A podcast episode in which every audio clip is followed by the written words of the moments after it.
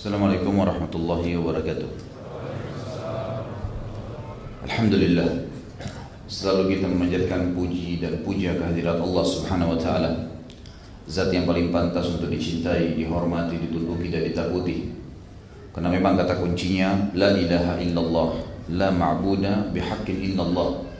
Tidak ada yang menciptakan Memiliki Menyiapkan segala kebutuhan mengawasi dan memusnahkan semua yang di langit dan di bumi kecuali Allah.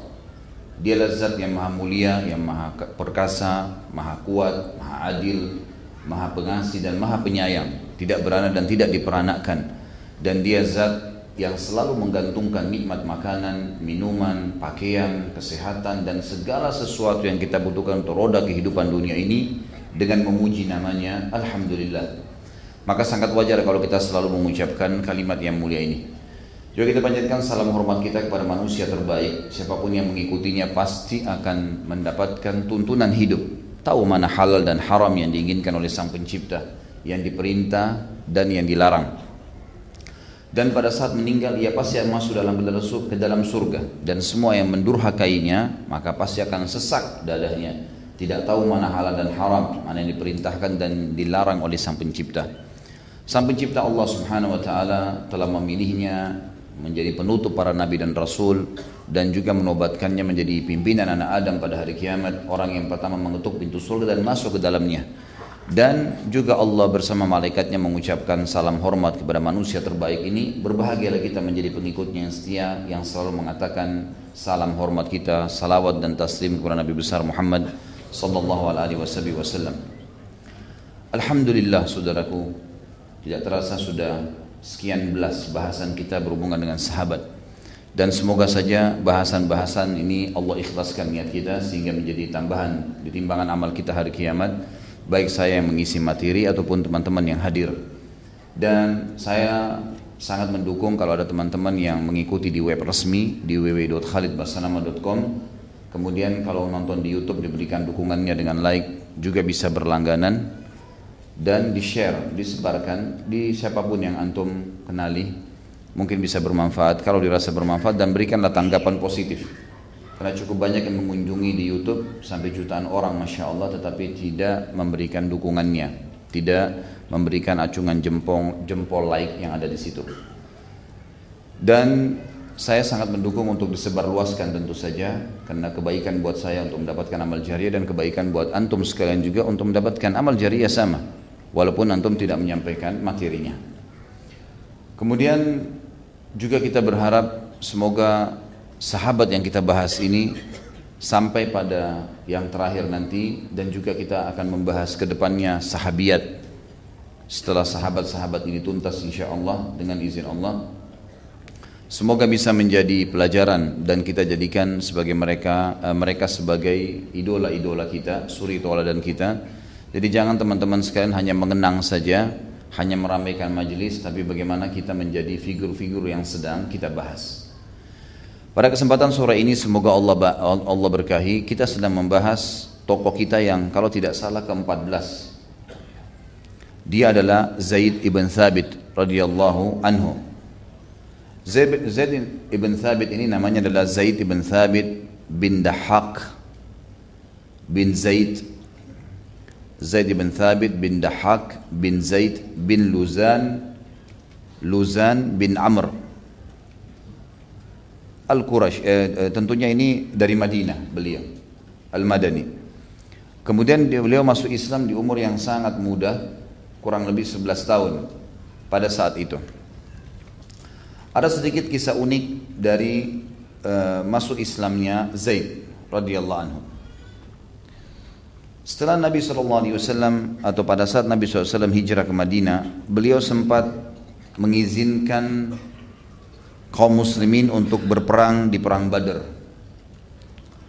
Lalu Zaid pun setelah mengucapkan syahadat di tahun pertama hijrahnya Nabi SAW di Madinah, langsung ingin ikut berjihad di umur 11 tahun. Dan pada saat itu Nabi SAW tidak mengizinkannya karena umurnya yang masih kecil. Maka Zaid pun sempat bersedih. Dan dia juga kembali ke ibunya. Dan ibunya pun ikut sedih.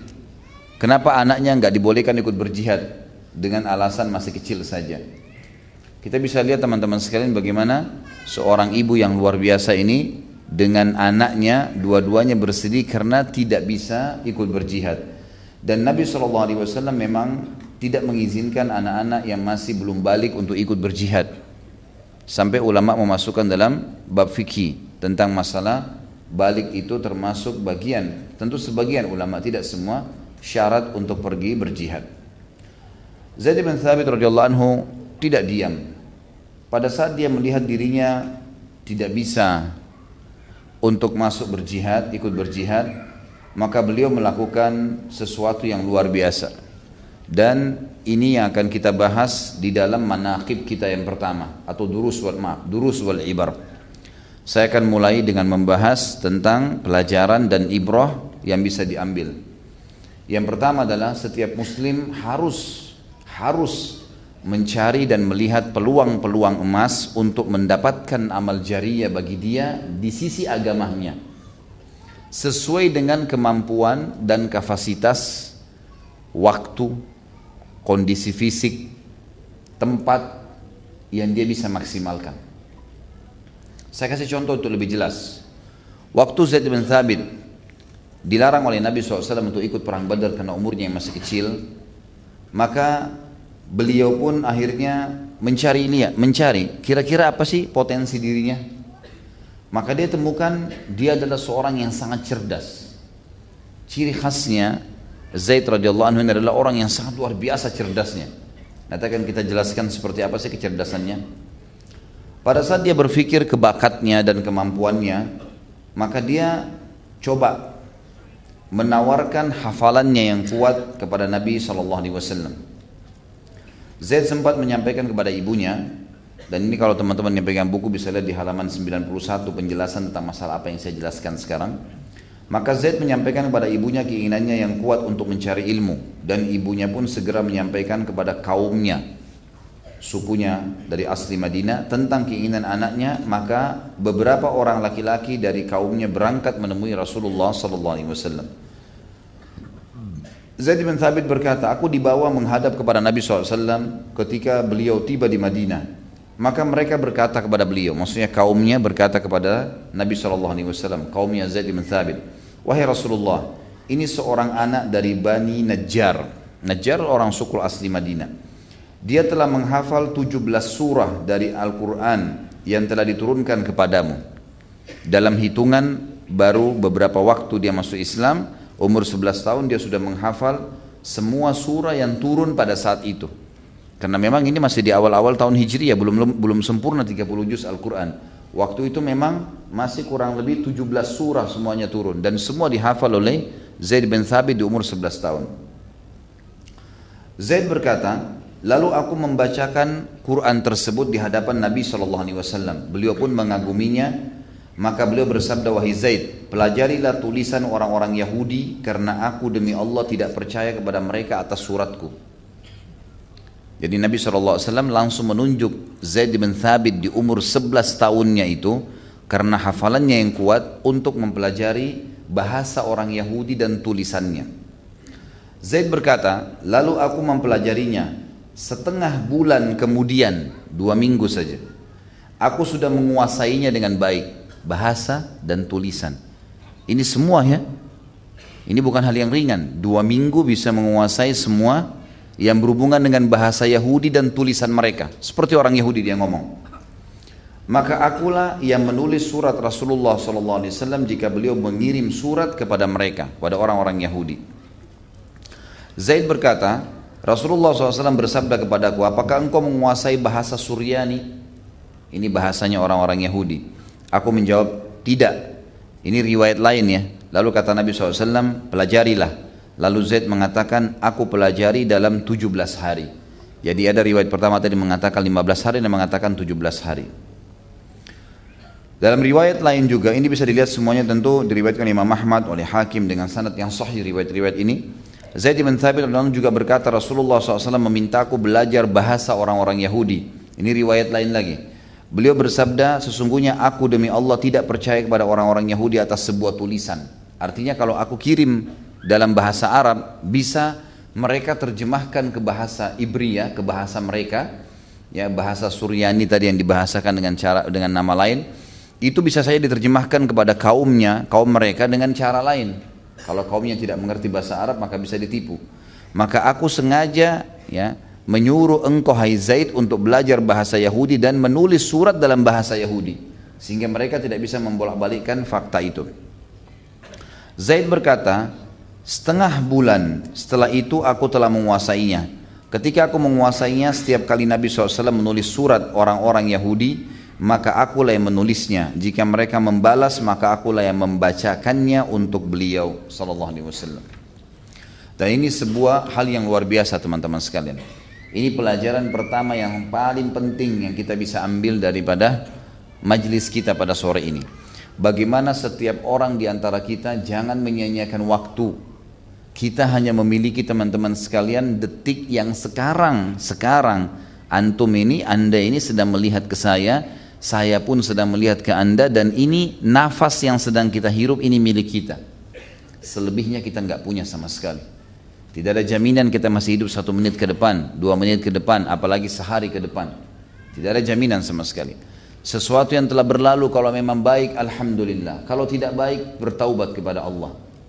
Tinggal bagaimana seorang muslim kalau dia masih bisa bernafas, yang dia cari adalah peluang apa yang merupakan bakat dalam dirinya untuk menjadi sesuatu yang dia khidmahkan buat agamanya. Apa saja. Mungkin setiap orang di antara kita punya potensi berbeda-beda. Gitu ya. Mungkin seperti itu. Kita misal lihat Abdullah bin Umar, nanti kita akan bahas dalam kehidupan beliau. Beliau melihat hampir semua amal soleh yang dikerjakan, semua sahabat kerjakan. Maka mereka coba mencari apa yang tidak umum dikerjakan orang. Yang Abdullah bin Umar lakukan adalah beliau kalau mau sholat selalu keluar awal waktu. Belum waktu sholat. Keliling Madinah. Semua rumah orang diketukin. Sholat, sebentar lagi waktu masuk. Sholat, sebentar lagi sambil ke masjid. Tapi dia muter. Ini enggak semua orang kerjakan. Dia menganggap ini celah yang saya bisa punya nilai plus di situ di sisi Allah Subhanahu wa taala. Maka dikerjakan sama dia. Sama kasus tadi tokoh kita Zaid bin Thabit radhiyallahu anhu, beliau melihat jihad belum bisa. Tapi saya punya kecerdasan. Ditawarkanlah kepada Nabi sallallahu alaihi wasallam dan ternyata benar. Sisi yang lain teman-teman sekalian, setiap orang di antara kita cerdas. Jangan pernah merasa diri bodoh kecuali memang dasarnya lahir dalam kondisi cacat. Kalau tidak, waktu kita sama semua 24 jam, otak kita sama komposisinya. Bahkan urat-urat sarafnya posisinya sama. Mata kita sama dua, telinga kita sama dua, tangan kita dan kaki kita sama dua. Kita juga punya jantung dan hati masing-masing satu. Kita punya kulit yang sama, ada kulit manusia. Orang tahu ini manusia, kelihatan dari kulitnya. Mungkin yang beda adalah poster tubuh, paras wajah, warna kulit mungkin. Tapi semua komposisi, waktu, sama saja. Makanan sama saja. Kenapa ada orang yang cerdas dan ada orang yang tidak cerdas? Permasalahannya orang yang cerdas mau mencerdaskan dirinya. Tidak ada orang yang tidak bisa menghafal teman-teman sekalian. Antum ini semua mampu menghafal asal mau. Masalahnya kita tidak mau. Atau kadang-kadang kita selalu dicekoki oleh syaitan perasaan takut. Kira-kira orang tidak menghafal Quran kenapa? Karena takut nanti kalau tidak bisa. Belum coba. Belum hafal hadis, oh nanti kalau hafal takut tidak bisa. Nanti bagaimana kalau lupa? Imam Haram aja lupa. Imam Haram dari kecil hafal, sholat sudah sering ulangin tiap hari. Sholat bukan kebiasa kadang-kadang masih salah, manusiawi. Tapi nggak ada orang lupa satu surah. Kecuali kalau dia tidak ulangin sama sekali, tapi orang lupa satu ayat, sambungannya, mungkin itu manusiawi. Tapi syaitan membuat manusia untuk tidak mau menghafal. Teman-teman sekalian hafalan itu sangat baik. Hafalan itu sangat baik. Saya dulu dapat pelajaran luar biasa dari eh, teman-teman dosen ya, ya teman-teman juga di kampus. Saya lihat teman-teman yang suka menghafal ilmu itu luar biasa. Sekarang pun di lapangan saya temukan mereka di lapangan dakwah itu biar tidak ada persiapan disuruh ceramah bisa. Beda dengan teman-teman yang dulunya malas, gak mau hafal, Udahlah lulus pas-pasan di kelas kalau dia anggap dosennya kurang nyaman, suaranya kecil, tidur gitu kan.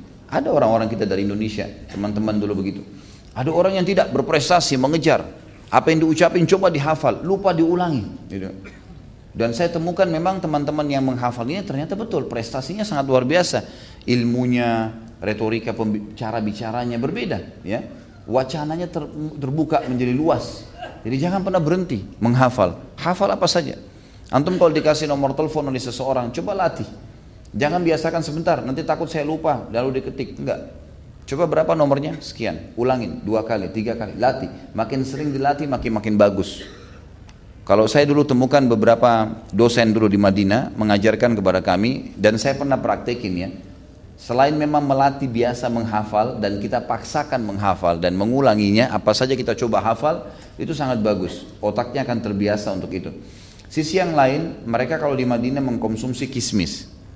Saya pernah tanyakan kepada salah satu uh, do, ke, ke, gu, apa, ayahnya dosen kami dulu ada seorang dokter di kuliah syariah sering ajak kami mahasiswa Indonesia buka puasa di rumah beliau.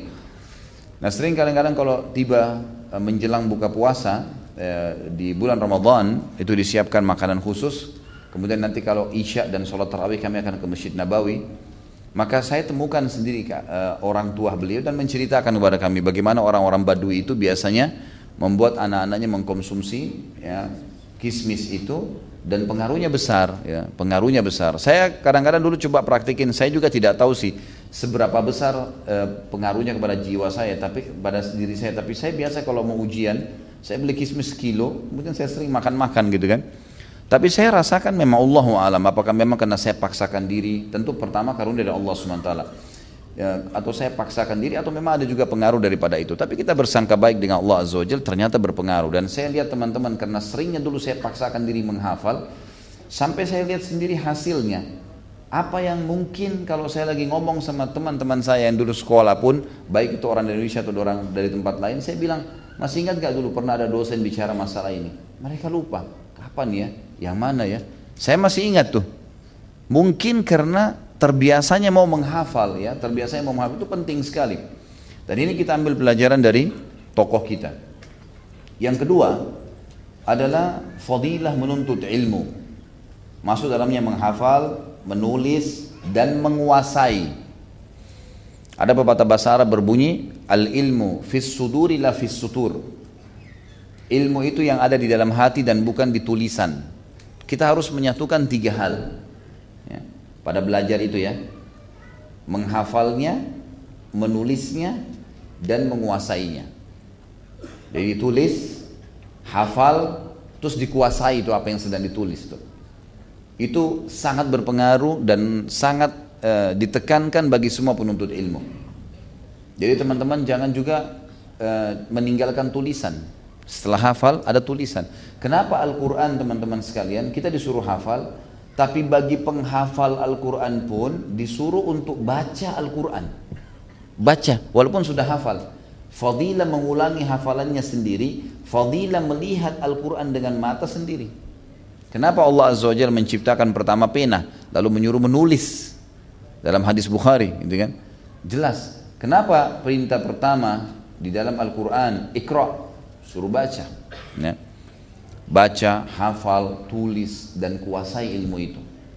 Tidak ada teman-teman sekalian orang yang sibukkan diri dengan ilmu itu kemudian jadi bodoh. Gak ada ilmu membuat orang pintar. Kata ulama ada lima hal yang bergabung di bawah ilmu. Pertama hilang kebodohannya.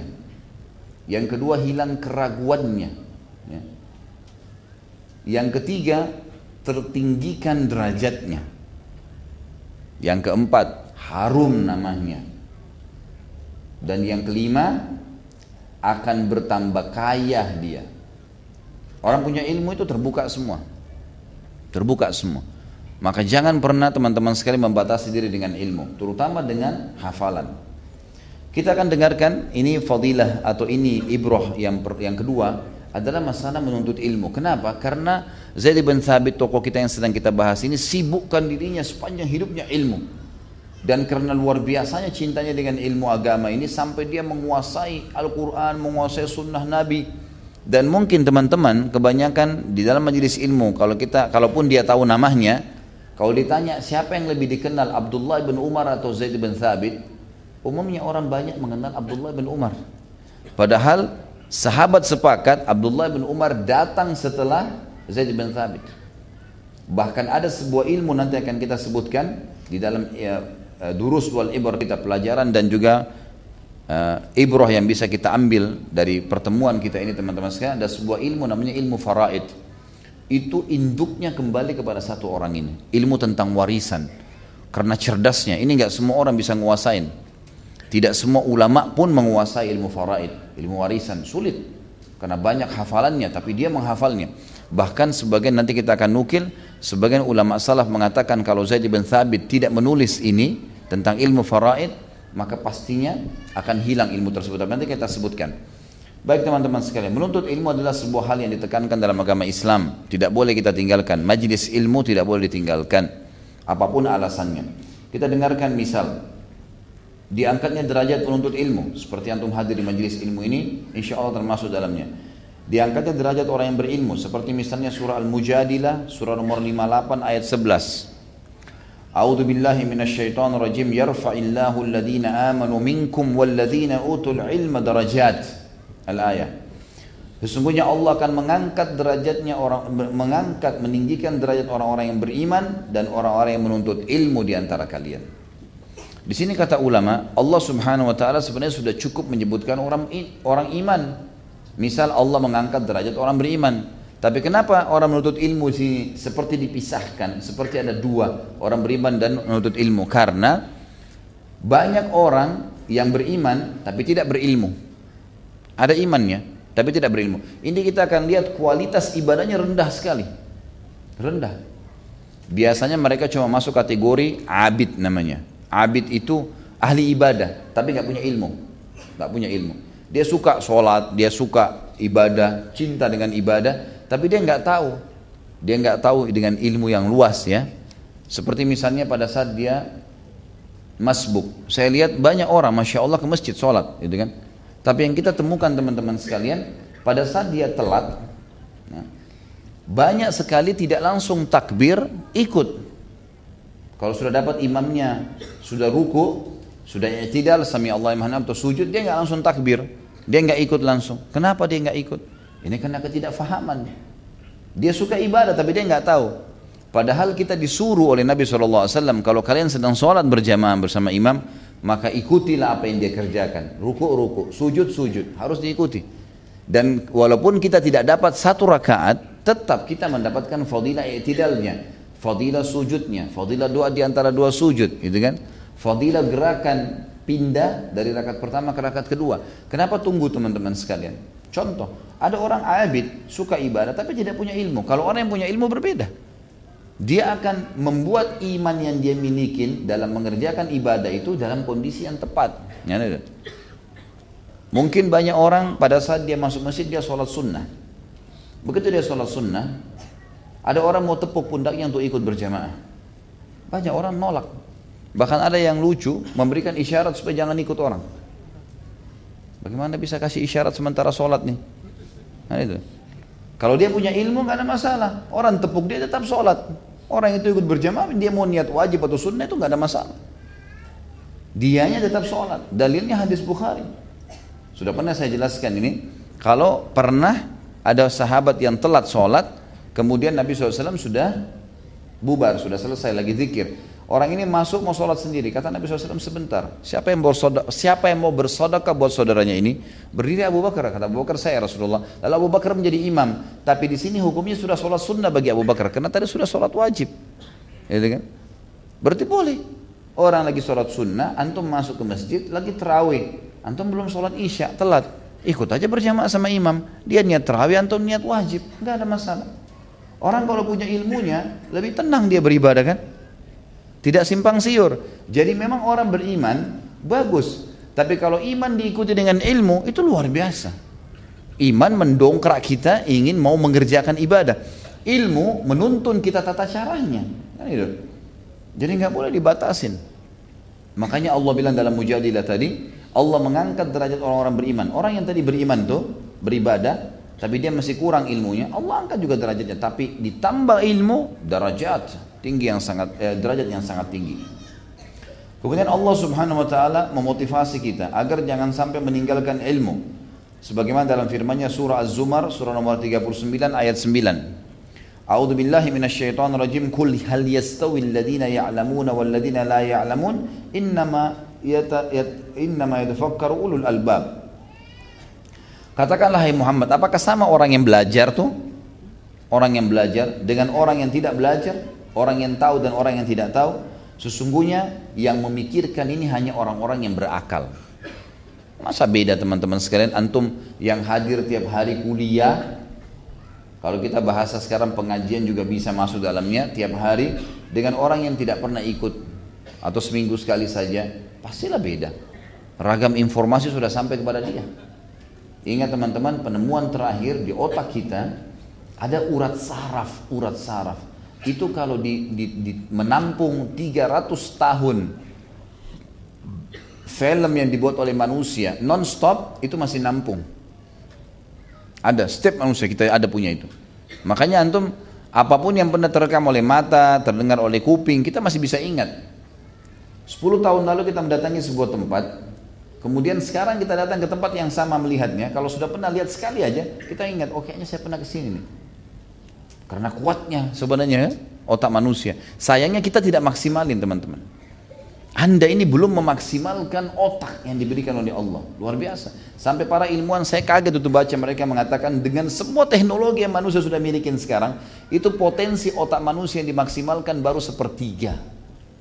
Belum semua. Belum semua. Allahu alam kalau otaknya manusia yang dimaksimalkan semua itu bagaimana yang Allah Subhanahu wa taala akan berikan. Tapi intinya teman-teman, malasnya orang untuk menghafal, malasnya orang untuk belajar, ini penyakit yang berbahaya. Jangan pernah batasi diri antum dengan ilmu, belajar terus. Walaupun kita tahu besok kita akan meninggal dunia, tetap belajar. Maksimalkan ilmu. Selanjutnya, Allah Subhanahu wa taala memastikan orang yang paling mengenal Allah adalah orang yang berilmu.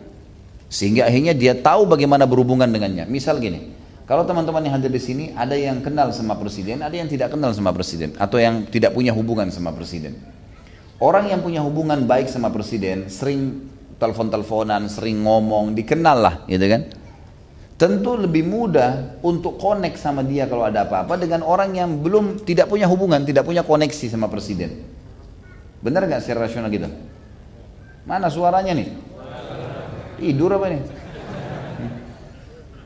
Tentu saja benar kan gitu. Orang yang terbiasa menuntut ilmu sehingga dia tahu bagaimana komunikasi dengan Tuhannya, dia seperti orang yang sudah terbiasa, sudah tahu linknya. Makanya Allah mengatakan dalam Al-Quran, surah Fatir, surah nomor 35 ayat 28. A'udzu billahi innama min ibadil ulama. Sesungguhnya yang tunduk, yang mengenal Allah, yang bisa membuka komunikasi dengan Allah secara langsung hanyalah para ulama. Ulama jamak daripada alim. Dan alim adalah orang yang faham tentang halal haramnya Allah. Dimulai dari majelis ilmu, gitu kan? Belajar. Belajar terus teman-teman sekalian. Selalu haus dengan ilmu. Jadikan target kita adalah haus ilmu. Karena ilmu sekali lagi tadi memberikan lima manfaat luar biasa. Menghilangkan kebodohan, menghilangkan keraguan, beragam macam hal, meninggikan derajatnya lah, mengharumkan namanya, meluaskan rezekinya. Banyak hal yang dia bisa dapatkan. Dan umumnya subhanallah orang-orang yang berilmu itu disukai ya. Kalau orang pintar itu, dari omongannya pintar, susunan kata-katanya, Orang segan sama dia, orang suka. Dibandingkan orang dari cara omongannya sudah kelihatan, oh kualitasnya seperti ini. Karena kadang orang malas untuk dengerin. Karena memang itu penting. Ilmu memang meninggikan derajat seseorang. Baik, itu semua adalah ayat-ayat Al-Quran. Kita dengarkan hadis Nabi SAW. Kata Nabi SAW, ini masih fadilah menuntut ilmu ya. Fadilah menuntut ilmu. Nanti kita akan bahas ada fadilah menjadi seorang alim. Beda nanti. Ada orang hadir di majelis ilmu seperti ini tujuannya hanya untuk dengar untuk dia pribadi. Ya udahlah lupa lupa ingat ingat itu lain. Ada orang yang mau jadi alim, belajar nulis hafal, dia mau jadi seperti orang yang sedang bicara, dia mau jadi seperti seorang alim ulama. Itu lain, ada fadilah sendiri nanti kita akan sebutkan. Ya, ini tingkatan-tingkatannya. Kita sekarang masih bicara tentang fadilah menuntut ilmu, masuk dalam yang menghafal, menulis dan menguasainya. Tadi kita sudah baca beberapa ayat Al-Quran. Ada tiga ayat Al-Quran, surah Mujadil ayat 11, surah Az-Zumar ayat 9, dan juga kita membaca tadi surah Fatir ayat 28. Sekarang kita dengarkan hadis Nabi SAW. Beliau mengatakan misalnya dalam sebuah hadis yang sahih talabul ilm faridatun ala kulli muslim bahwasanya menuntut ilmu itu diwajibkan, menuntut ilmu agama diwajibkan bagi setiap muslim. Orang yang menuntut ilmu, hadis sahih riwayat Imam Muslim, akan dimudahkan jalan menuju ke surga. Artinya dia tahu bagaimana menuju ke surga dan Allah juga akan mudahkan dia ke surga. Kata Nabi SAW, Man salaka tarikan yaltamisu fihi ilman sahalallahu lahu tarikan ilal jannah. Siapa yang menempuh jalan menuntut ilmu, maka Allah akan mudahkan baginya jalan menuju ke surga. Kata ulama hadis punya dua makna. Yang pertama adalah Allah mudahkan dia dengan ilmunya tahu apa-apa yang membawa dia ke surga dan apa-apa yang menyelamatkan dia dari neraka. Yang kedua adalah memang dengan ilmu itu Allah Subhanahu wa taala muliakan dia dengan memasukkan ke dalam surga. Kemudian dipastikan juga dalam hadis Bukhari Muslim, Nabi SAW mengatakan siapa yang Allah mudahkan hatinya terlapangkan untuk menuntut ilmu, berarti Allah inginkan kebaikan buat dia. Terutama masalah agama ya. Karena menuntut ilmu agama wajib. Ilmu selain agama hukumnya sunnah.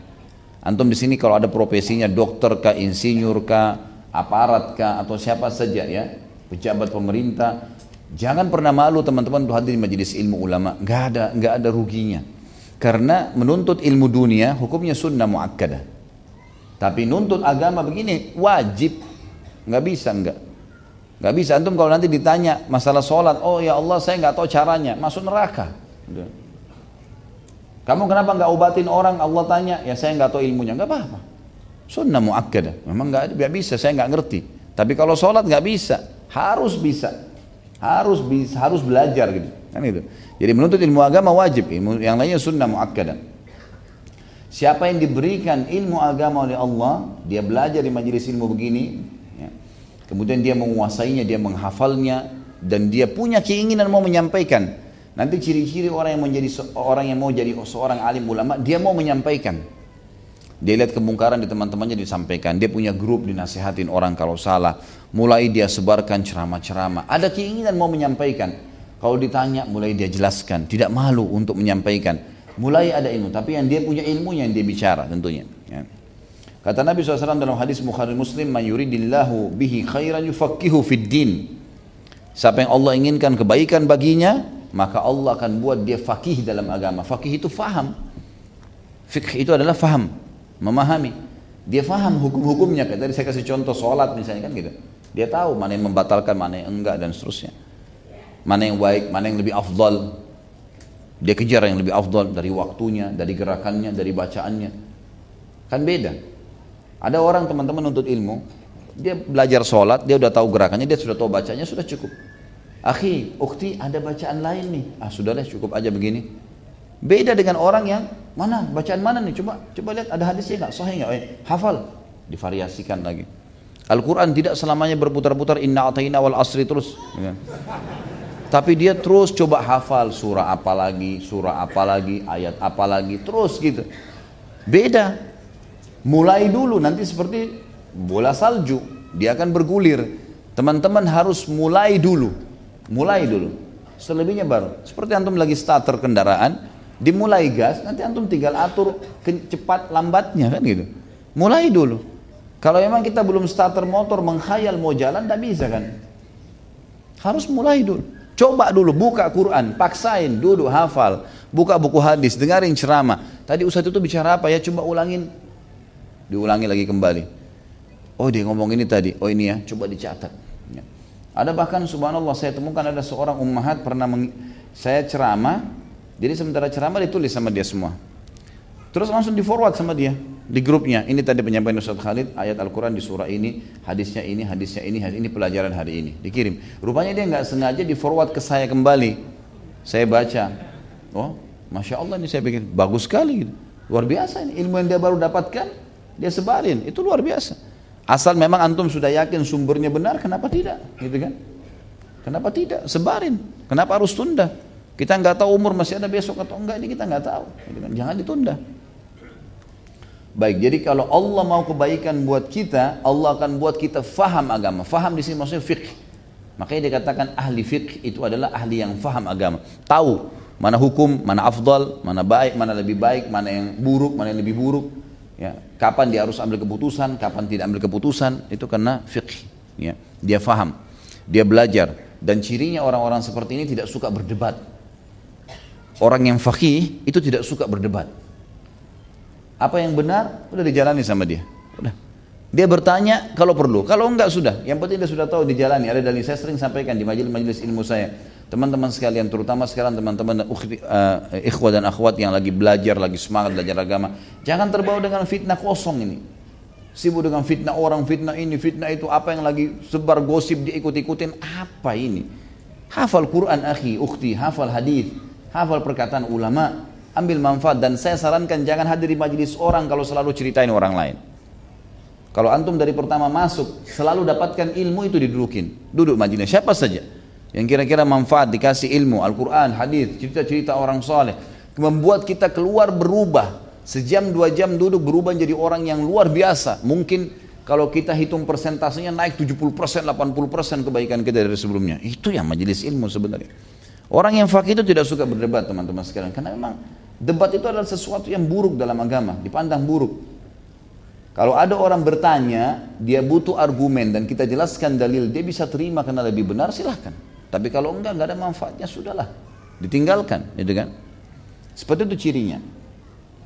Baik, kemudian juga disebutkan di dalam hadis yang lain, kata Nabi SAW, kita tidak boleh hasut teman-teman, nggak boleh iri, nggak boleh dengki. Tapi kalau orang nuntut ilmu, orang alim, kita wajib cemburu. Cemburu positif, namanya ghibtah dalam bahasa Arab. Hasut itu, hasad, iri, dengki, itu semuanya buruk kecuali yang berhubungan dengan dua keadaan orang dan ini ulama mengatakan nama lainnya giptoh. Giptoh itu bedanya dengan jadi e, cemburu kan? Positif namanya giptoh, cemburu yang buruk namanya hasad. Hasad haram, giptoh boleh. Saya kasih contoh. Hasad itu teman-teman sekalian adalah iri dengki yang muncul dalam hati seseorang dengan berharap kelebihan yang ada pada orang yang sedang dia cemburu hilang. Misal dia punya kelebihan fisik, dia punya kelebihan ilmu, dia punya kelebihan harta, dia berharap itu hilang dari orang itu. Itu namanya hasad. Ini haram, nggak boleh. Kata Nabi SAW, hati-hati kalian dengan hasad karena hasad akan membakar pahala-pahala sebagaimana api membakar kayu. Hati-hati teman-teman. Kalau gipta beda. Kita cemburu dengan seseorang yang punya kelebihan, tapi kita tidak berharap hilang dari dia. Seperti contoh ada orang kaya. Ya Allah, Masya Allah ya. Allah engkau, uh, engkau memberikan kepada orang ini ya Allah. Berikan juga kepada aku ya Allah. Boleh, tapi kita tidak berharap hilang dari dia.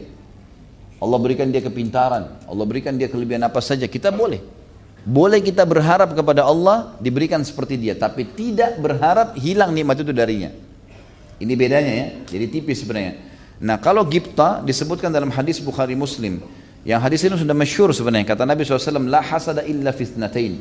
Tidak boleh orang hasud, cemburu, kecuali di dua keadaan. Rajulun atahu Allahu malan fasallatahu ala halakati fil haq. Seseorang yang Allah karunia kepadanya harta lalu dia habiskan hartanya pada kebenaran. Dalam riwayat lain dikatakan riwayat Bukhari juga, ya, dia habiskan, dia sodakahkan di siang dan malam hari. Sibuk dengan itu.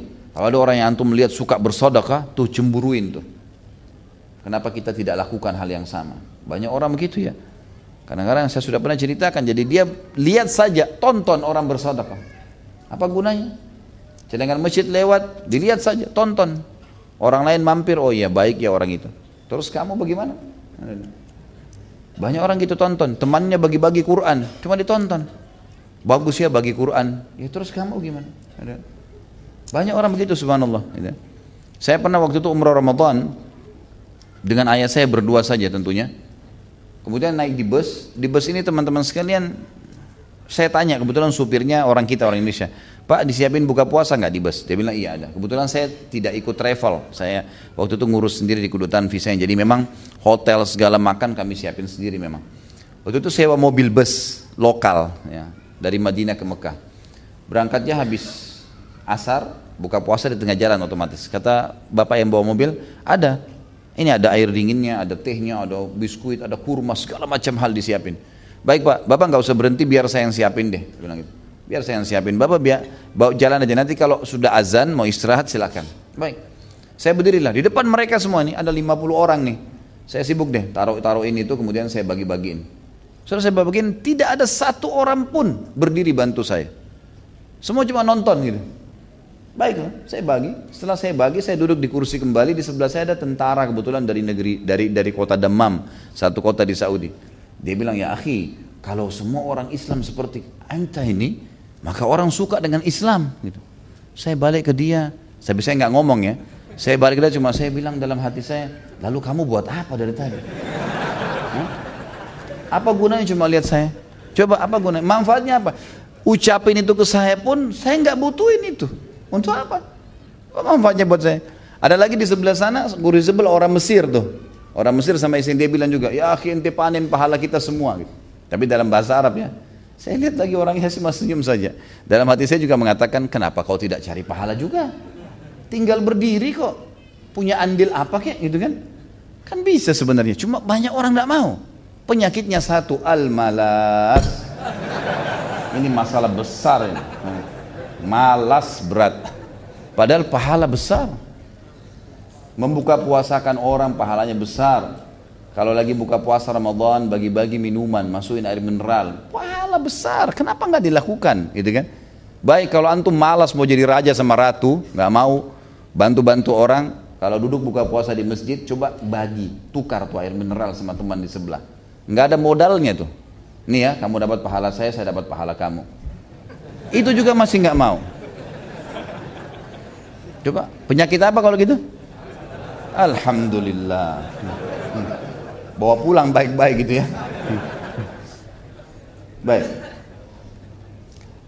Lalu kata Nabi SAW, وَرَجُلٌ آتَاهُ اللَّهُ الْحِكْمَةِ فَهُوَ يَقْضِي بِهَا وَيُعَلِّمُهَا Seseorang yang Allah berikan hikmah. Hikmah ini kata ulama bisa masuk sunnah, bisa masuk Al-Quran dan sunnah, bisa masuk Al-Quran dan sunnah dan berikut pemahamannya. Hikmah maknanya luas gitu kan. Dan dia terus sibuk menggunakan buat dirinya dan mengajarkan kepada orang lain. Nah kalau ada orang begini, tiap hari taklim sibuk terus antum wajar cemburu dengan dia. Minta kepada Allah bisa seperti dia atau lebih. Tapi ingat, jangan berharap nikmat itu hilang dari dia. Karena jadi haram. Tapi kalau kita tidak berharap nikmat itu hilang dari dia, malah pahala buat kita dan bukan mustahil Allah berikan. Sampai sini jelas ya? Baik. Selanjutnya, sabda Nabi SAW menjelaskan kepada kita. Di dalam hadis riwayat Imam Bukhari Muslim, "Mathalu ma ba'athani Allah bihi min al-huda wal 'ilm, kamathali gaithin asaba ardan."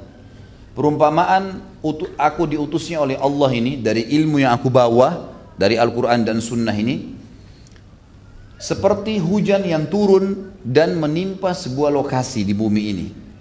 Fakanat minha ta'ifatun tayyibatun qabilatil ma' fa'ambatat fa'ambatatil kala. Ada di antara wilayah di daerah yang gersang itu, yang turun hujan, yang tanahnya memang dasarnya baik dan dia bisa menerima air, menampung air itu. Maka tanda-tandanya adalah akan tumbuh ladang Ya, al-kala itu ladang. Wal utbal kathir. Begitu pula dengan wal ush wal ushbal kabir. Eh, wal ushbal kathir. Maksudnya adalah uh, rumput-rumputan yang banyak, tumbuh-tumbuhan yang banyak. Wa kana minha ajadibu amsakatil ma. Ada juga di antara tanah itu biasanya jadi ini kita bisa lihat kalau di satu lokasi misalnya kita punya halaman biasanya ada tanah yang tumbuh rumput ada juga tanah yang membecek menjadi lumpur. Maka dia menampung air itu. Biasanya kalau tanah becek bisa lama. Kalau tidak ada tumbuh-tumbuhan di atasnya, tanahnya jadi becek. Nah becek ini dia menampung air. Ini juga positif. Fataka apa ini? Fanafa Allahu bihan nasa fasharibu minhu minha wasaqau wazar'u. Maka tanah-tanah seperti ini Allah subhanahu wa ta'ala buat manusia bisa mendapatkan manfaat darinya. Mereka bisa minum darinya. Air itu kalau tertampung bisa diminum menjadi mata air misalnya. Lalu mereka juga bisa membagikan air itu dan mereka bisa bercocok tanam. Wa asaba ta'ifatan minha minha ukhra innama hiya qi'anun la tamsiku ma'an wa la tambutul wa la tambutu kala'a. Dan ada di antara tanah-tanah itu yang keras, tandus dituang air sebanyak apa pun, dia tidak bisa menampung air itu, mengalir air itu. Ada tanah, jenis tanah begitu. Biar kita siram sama air tetap aja kering dia. Maka akhirnya dia tidak bisa menahan air dan tidak bisa menumbuhkan tumbuh-tumbuhan. Falidzalika mathalu ma faquha fi dinillahi wa nafa'ahu wa nafa'u ma ba'athani Allahu bihi. Perumpamaan tanah yang pertama adalah perumpamaan seperti orang yang telah belajar agama ini, memahaminya. Yang dari agama Allah ini dipelajari dan difahami dan akhirnya Allah Subhanahu wa taala memberikan manfaat yang besar dari apa yang telah Allah utuskan kepadaku yang dia ambil ya. Fa'alima wa 'allama, kemudian dia jadi faham dan dia mengajarkan. Wa mathalu lam yarfa' bidzalika ra'san wa lam hudallahi alladhi ursiltu bihi. Dan tanah yang kedua tadi yang tandus adalah perumpamaan seperti orang yang menganggap sombong, menganggap remeh ilmu. Majelis ilmu gini, ah ke masjid ngapain? dengar ustad sudahlah nanti kalau sudah dekat bau tanah baru mau dengar ustad gitu kan ya, banyak orang gitu nanti kalau sudah tua ustad itu ladangnya adalah orang-orang tua yang sudah sakit parah kalau yang masih muda yang 17 tahun bukan masjid tempatnya nah ini orang-orang seperti ini seperti tanah yang tandus Kata Nabi SAW, dia tidak pernah melihatnya, sama tadi, tidak bisa menampung air, tidak bisa numbuhin tadang. Dan juga tidak bisa menerima hidayah dari Allah yang telah diutus diutusku untuknya gitu. Kemudian juga kata Nabi SAW di dalam hadis yang diriwayatkan Imam Tirmidzi dengan sanad Hasan, kalau semua penuntut ilmu dihitung seperti orang sedang jihad di jalan Allah. Antum tadi ini teman-teman sekalian keluar dari rumah ke sini ini jangan dianggap remeh. Ini bukan hanya sekedar mau datang dengerin ilmu jadi faham, hilang kekhawatiran, diangkat derajat dan seterusnya. Juga dinilai pahala jihad sampai pulang lagi ke rumah. Hadisnya Hasan. Kata Nabi SAW, Man kharaja fi talabil ilm, fahuwa fi sabilillah hatta yarji' Siapa yang keluar menuntut ilmu, maka dia terhitung di jalan Allah seperti orang jihad sampai dia pulang ke rumahnya. Jadi tiap hari Anda bisa dapatkan pahala jihadnya. Asal keluar ke majelis ilmu. Satu hal yang luar biasa ya. Kemudian Nabi SAW memerintahkan orang yang sudah belajar suruh sampein. Tidak boleh diam. Sudah belajar jelas dalilnya sampaikan teman-teman sekalian. Jangan hanya untuk didengar saja. Jangan hanya untuk ditulis saja. Tapi tulis, hafal, amalkan. Kuasai lalu amalkan.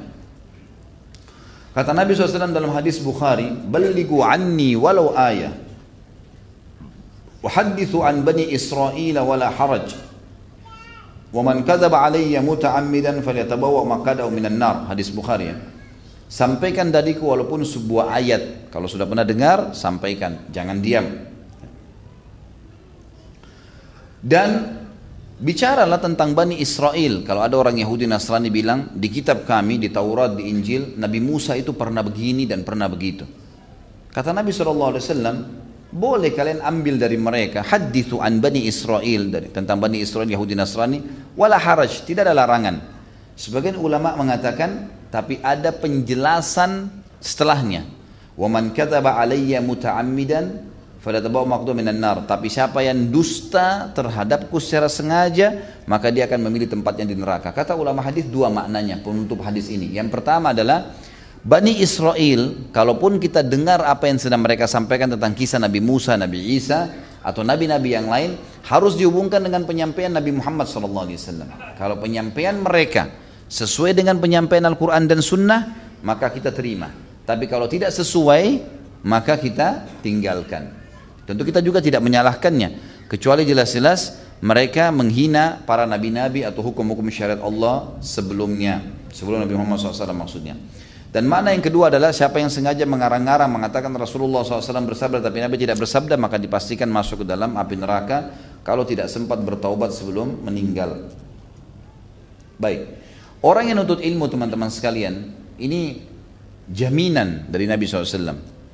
Orang yang menuntut ilmu subhanallah, ada ilmu syar'i, dipastikan oleh Allah, oleh Nabi SAW akan dijaga kesehatan tubuhnya, diberikan cahaya wajahnya. Ya kata para ulama kalau laki-laki ditampankan, kalau perempuan dicantikkan oleh Allah. Ini makna hadis, nanti saya bacakan hadisnya. Dan juga Allah akan perbaiki akhlaknya, perilakunya. Tiga hal fisiknya sehat, paras wajahnya tampan atau cantik kalau dia laki-laki perempuan. Kemudian yang ketiga adalah Allah Subhanahu wa taala akan memperbaiki perilaku-perilaku dan akhlaknya. Hadisnya hadis Hasan Sahih riwayat Imam Tirmidzi. Kata Nabi SAW, Naddarallahu ra'an sami'a minni syai'an faballaga kama sami'ahu farubba muballigin aw'a min, min sami' Naddara, naddara ini kalau kita kembali kepada kamus-kamus yang menjelaskan tentang bahasa-bahasa hadis ya. Itu naddara artinya ahsanallahu jismahu wa wajahu wa akhlaqahu. Allah akan perbaikin, perindah tubuhnya, wajahnya dan juga akhlaknya. Ilmu subhanallah. Jadi rupanya ilmu itu bisa berpengaruh. Orang kalau tidak punya ilmu, itu berpengaruh kepada semua ini. Ini hal yang mendasar, ini hadis Nabi SAW. Nadhara artinya Allah akan memperindah badannya, wajahnya, dan juga akhlaknya. Setiap orang yang mendengarkan dariku sesuatu, lalu dia menyampaikan seperti apa yang dia dengarkan, persis lafadznya. Apa lafadz hadisnya? Begitu disampaikan. Makanya hafalan harus dikuatkan dengan tulisan. Kenapa banyak ulama menulis? Karena pengaruhnya tulisan penting. Kalau antum lupa kembali kepada tulisan itu, kan gitu. Penting sekali untuk menulis. Jadi jangan sampai disia-siakan. Bisa saja kata beliau, kalau dia sampaikan dengan baik, maka bisa saja ada pendengar yang akan lebih lebih faham daripada orang yang menyampaikan. Kalau retorika yang digunakan bagus, maka bisa saja di antara yang hadir itu ternyata menangkap bagus, bisa saja retorikanya lebih bagus lagi dari penyampainya. Kata Nabi SAW. Maka agama ini akan terjaga dengan cara seperti itu. Juga dalam hadis yang lain riwayat Tirmidzi dengan sanad Hasan. Nabi SAW memastikan bahwasanya orang yang menjadi alim, pengajar, ulamanya, dan muta'allim, penuntut ilmunya, dua-duanya Allah Subhanahu wa taala akan berikan kebahagiaan, ketentraman ya.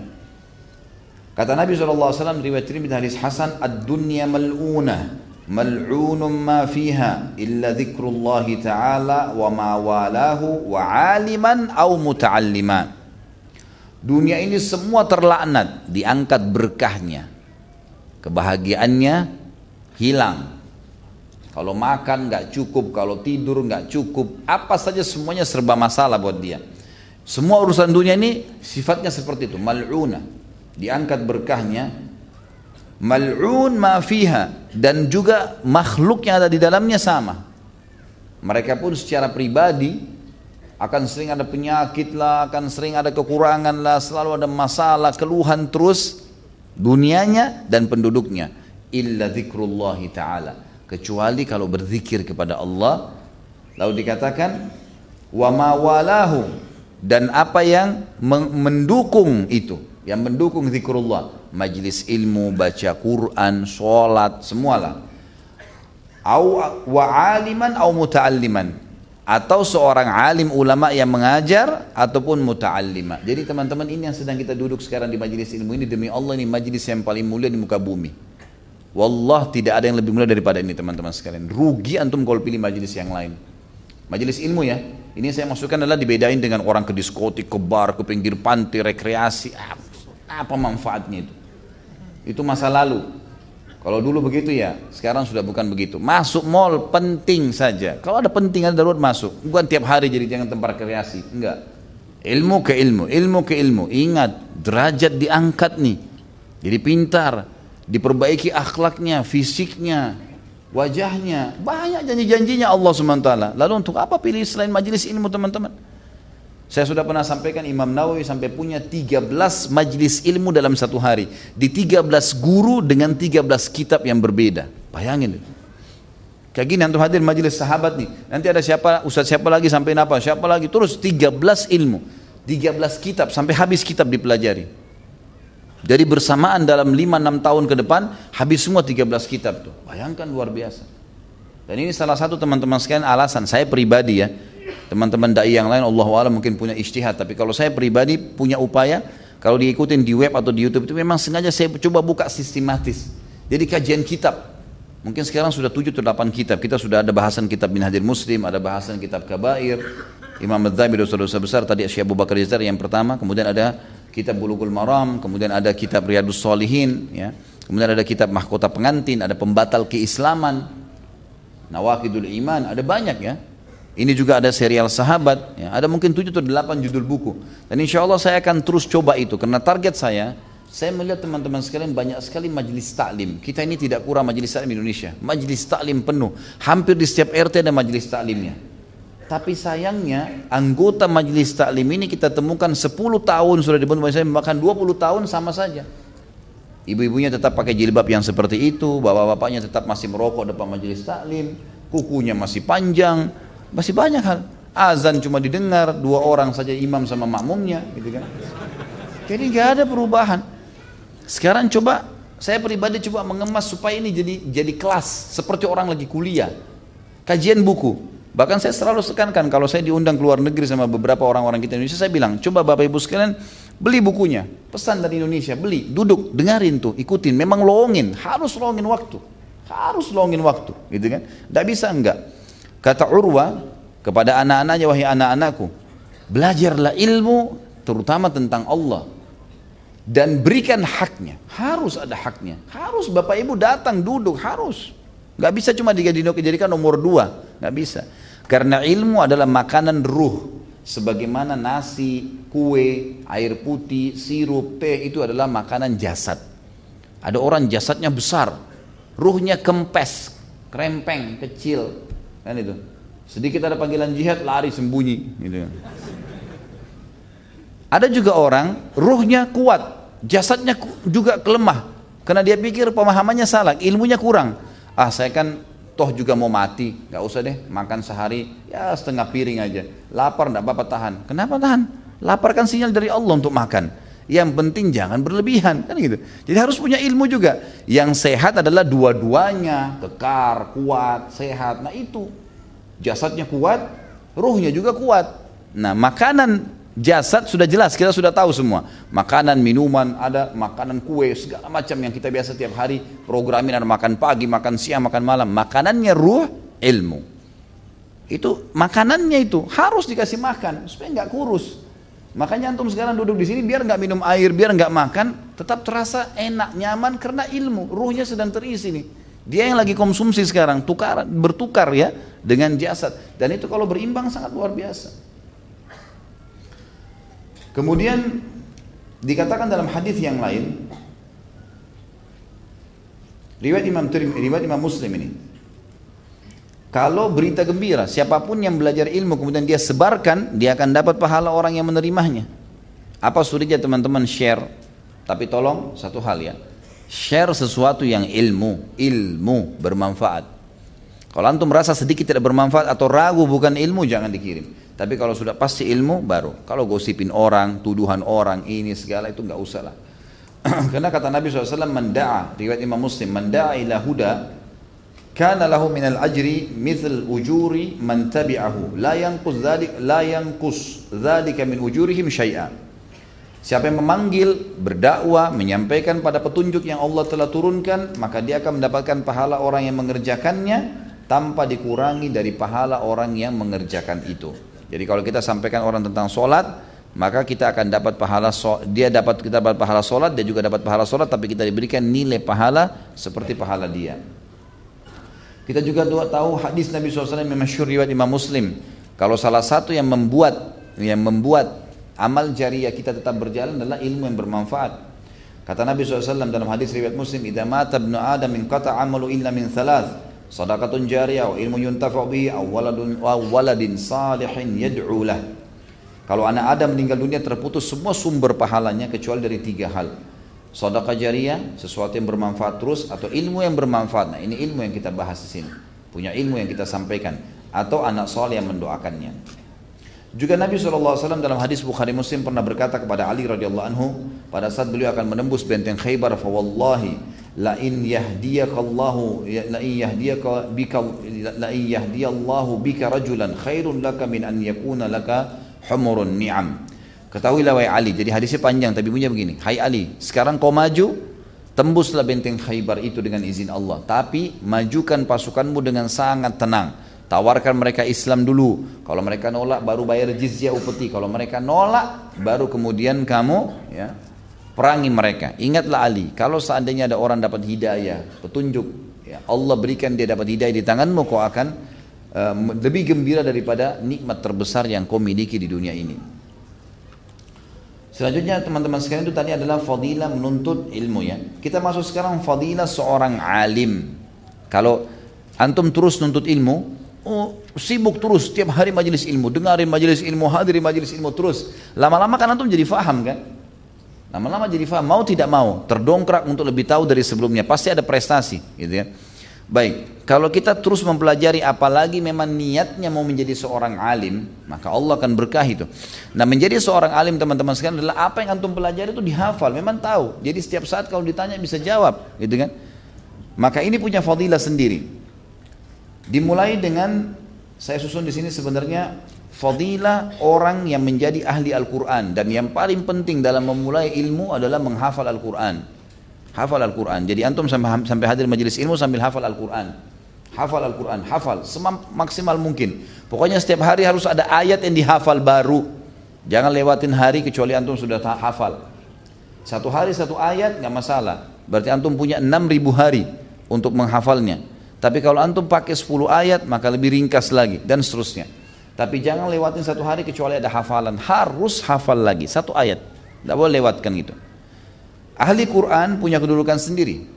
Kalau ada ahli ilm, orang yang berilmu, tapi dia tidak hafal Quran dengan orang yang ahli ilmu tapi hafal Quran. Yang ahli Al-Quran lebih didahulukan dalam imam. Dan imam adalah simbol kedekatan seorang hamba sama Allah. Karena imam itu harus orang yang terbaik. Dia yang berbicara sama Allah mendampingi kita semua. Makanya dia yang baca Al-Fatih kita cuma bilang amin. Kan gitu. Dia yang takbir Allah Akbar, semua harus ikut. Karena dianggap dia orang yang paling dekat sama Allah. Makanya kata Nabi SAW di dalam hadis riwayat Muslim, ya ummul kauma akra'uhum li kitabillah. Kalau ada pun orang yang mau jadi imam, maka haruslah di satu kaum orang yang paling pintar membaca Al-Quran. Di sini makna lainnya adalah menghafalnya. Fa in kana fi qiraatin sawa fa'lamhum bis sunnah. Kalau mereka sudah sama-sama tahu Al-Quran, bacaannya dan hafalannya, maka didahulukan orang yang paling faham sunnah, paling banyak hafalan hadis-hadis. Fa in kana fi sunnati sawa, kalau mereka sama lagi derajatnya di sunnah, sama-sama hafalannya banyak, fa aqdamuhum hijrah. Orang yang paling pertama hijrah. Ini kalau di zaman sahabat yang hijrah dari Mekah. Kalau kita mungkin lebih duluan sadar, ya, mungkin kalau dulunya pernah buruk, nah ini tobat lima tahun lalu, yang satu tujuh tahun lalu, yang tujuh tahun yang lalu yang didahulukan. Kalau sama-sama Al-Qur'annya dan hadisnya. Fa in kanu fil hijrati sawa fa aqdamuhum sinnan. Kalau seandainya sama juga hijrahnya, maka dicari yang paling tua umurnya ya ummanna ar-rajulu ar-rajula fi sultanihi wala yaq'udu fi baitihi ala tik ala tikrimatihi illa biidni dan tidak boleh seseorang laki-laki menjadi imam di kekuasaan seseorang kecuali dengan izinnya. Dan tidak boleh dia duduk di tempat duduk yang dikhususkan untuk orang itu. Jadi maksudnya adalah kalau misalnya saya datang ke sebuah masjid saya imam di masjid A Kemudian satu waktu saya main ke sebuah masjid yang lain dan ada teman saya imam di situ. Nggak boleh saya jadi imam langsung. Mungkin karena saya anggap oh imam yang situ murid saya itu, nggak bisa. Karena situ sudah kekuasaannya dia. Maka harus didahulukan. Walaupun dalam masalah ini bacaannya lebih rendah, hafalannya lebih sedikit, tetap yang di situ harus jadi imam. Sama dengan pemimpin ya, presiden misalnya, gitu kan atau panglima perang harus tetap jadi imam. Makanya waktu Amr bin As menjadi pemimpin perang yang diutus ya. Pada saat itu oleh Nabi Shallallahu alaihi wasallam Abu Ubaidah bin Jarrah adalah orang yang luar biasa, lebih alim daripada Amr bin As jauh. Tapi waktu dia masuk di pasukan karena dia adalah di bawah naungan Amr maka dia jadi Amr jadi imamnya. Yang lainnya di belakang. Ini kalau ada kekuasaan, gitu kan? Ada kekuasaan. Dan dikatakan tidak boleh duduk di sebuah tempat duduk yang dikhususkan untuk orang itu. Misal antum datang ke rumah orang kalau bertamu adabnya tanya, "Maaf saya duduk di mana?" Tanya. Jangan menyelonong duduk langsung di sofanya orang gitu. Karena bisa saja kursi itu khusus tuan rumahnya, jadi kalau dia terima tamu dari situ, itu nggak boleh duduk di situ, dilarang, nah, dilarang. Ini termasuk adabnya. Ini kata Nabi SAW, jangan seseorang duduk di tempat duduk yang memang dasarnya terkenal untuk orang itu. Tapi saksi bahasan kita adalah orang yang memiliki Al-Quran. Hadis riwayat Muslim yang lain dari Uqbah bin Amir radhiyallahu anhu, karena Rasulullah SAW yamsahu manakibana manakibana yamsahu manakibana fi shalah wa yaqul istawu wa la takhtalifu fa takhtalifa qulubukum liyaliyani minkum ulul ahlami wan nuha wan nuha thumma alladhina yalunahum thumma alladhina yalunahum Dulu Nabi SAW kalau sudah iqamah sholat maka mereka maka beliau mengusap pundak-pundak kami ya atau merabah pundak-pundak kami. Sambil berkata sebelum sholat istau luruskan. Wala takhtalifu jangan berselisih. Jangan satu sama yang lain merasa tidak mau tersentuh pundaknya nggak mau tersentuh kakinya. Memang sunnahnya Nabi begitu harusnya. Maka pasti hati kalian pun akan berselisih. Dan harus orang yang di belakangku ya menjadi makmum di belakangku adalah orang yang paling pintar di antara kalian. Ulul ahlam dan nuha ini adalah orang kata ulama hadis adalah orang yang faham paling faham Al-Qur'an dan hadis Nabi SAW. Kemudian datang setelahnya, datang setelahnya. Jadi maaf teman-teman sekalian, kalau ada imam lagi sholat, jangan antum berada di belakang imam kalau masih ada orang yang kira-kira lebih pantas di situ untuk menggantikan imam. Jadi jangan sampai ini ya, kalau pilih ke kanan saf pertama, kalau sudah penuh baru ke kiri saf pertama. Karena membangun saf kan dari belakang imam ke kanannya ya, ke kanan imam. Maka ini harus dipelajari. Ini banyak orang tidak paham nih, nyerobot aja main masuk gitu kan. Padahal sebenarnya di belakang imam itu harus orang yang siap. Kalau imamnya batal wudhu, meninggal tiba-tiba, maka dia akan jadi penggantinya. Kita lihat di sini bahwasanya Nabi SAW mendahulukan orang yang semua sahabat alim, faham agama Mayoritas yang hadir di situ gitu kan. Mayoritasnya tentu saya bilang. Maka tetap Nabi SAW mendahulukan orang yang punya Al-Quran. Dalam hadis Bukhari, Jabir radhiyallahu mengatakan, "Anna Nabi sallallahu alaihi wasallam kana yajma' bainar rajulaini minal katla Uhudin." يعني في القبر ثم يقول أيهما أكثر أخذا للقرآن فإذا أشير, أشير له faqaddama fil lahad. Bahwasanya Nabi SAW pada saat mengumpulkan jenazah sahabat yang mati syahid di Uhud beliau menggabungkan dua orang dalam satu lahat dalam satu lahat lalu beliau bertanya siapa di antara keduanya ini yang lebih menguasai Al-Quran hafalan dan bacaan? Kalau ditunjuk salah satunya maka beliau menyuruh yang yang lebih yang punya kelebihan itu didepankan. Yang tersandar di lahat adalah dia temannya di belakangnya kalaupun satu lahat berdua gitu kan. Jadi orang Al-Quran ini didahulukan. Ini yang pertama teman-teman sekalian. Tentu kita sudah sebutkan durus wal ibar ini durus ibar yang ketiga. Yang pertama tadi seorang muslim harus mencari peluang-peluang yang bisa menjadi amal jariah buat dia. Yang kedua fadilah menuntut ilmu hafalan tulisan dan juga menguasainya yang ketiga fadilah ulama tapi ini poin ketiga ada dua bahasan, ada dua ada dua sub bahasan. Yang pertama ahli Al-Qur'an, kalau bergabung antara Al-Qur'an dengan ilm itu adalah orang yang paling luar biasa. Kemudian yang kedua adalah ulama secara umum. Alim tapi tidak menghafal Al-Qur'an. Ini juga punya kedudukan, tetap punya kedudukan. Ini disebutkan di dalam hadis Nabi SAW riwayat Imam Tirmidzi dengan sanad hasan. Kata beliau, fadlul alimi alal abidi ka fadli ala adnakum. Perumpamaan seorang yang alim dengan yang abid. Alim adalah punya ilmu dan beribadah. Abid adalah suka ibadah tapi tidak punya ilmu. Nggak punya ilmu. Perumpamaan antara keduanya alim sama abid seperti perbedaan atau perumpamaan antara saya kata Nabi SAW dengan orang terbodoh di antara kalian. Orang yang paling tidak faham agama. Tumakal Inna Allah wa malaikatu ahlus samawati wal ardi hatta namlata fi juhriha wa hatta al-huta la yusalluna ala ala muallimin nasi khair. Ketahuilah bahwasanya Allah dan malaikat-malaikatnya semuanya penghuni dan penghuni langit dan bumi sampai semut yang ada di lubangnya dan ikan-ikan yang ada di lautan semuanya memberikan salam salawat ya kepada muallimin nas khair pada orang yang mengajarkan agama yang baik buat orang. Apa itu salawat? Kalau dari Allah, tambahan rahmat, ya, tambahan karunia, tambahan fasilitas kalau kita lebih tepatnya, gitu kan? Malaikat-malaikat dan seluruh makhluk yang lain berdoa kepada Allah agar rahmat itu ditambahkan. Ini hanya terjadi teman-teman sekalian kepada orang yang alim. Makanya harus menjadi target utama antum menjadi seorang alim. Itu target. Ini ini yang harus menjadi target utama gitu kan. Selanjutnya teman-teman sekalian adalah hadis Nabi SAW riwayat Abu Dawud dan Tirmidzi. Kata Nabi SAW, Man salaka tarikan yabtagi fihi ilman, sahalallahu lahu tarikan ilal jannah. Barang siapa yang menempuh jalan menuntut ilmu, maka Allah akan mudahkan baginya menuju jalan menuju ke surga. Wa innal malaika la tadau ajnihatiha li talabil ilm ridan bima yada bima yasna. Sesungguhnya malaikat me, me, me, menebarkan membuka sayapnya melindungi para penuntut ilmu karena ridho terhadap apa yang sedang dia lakukan.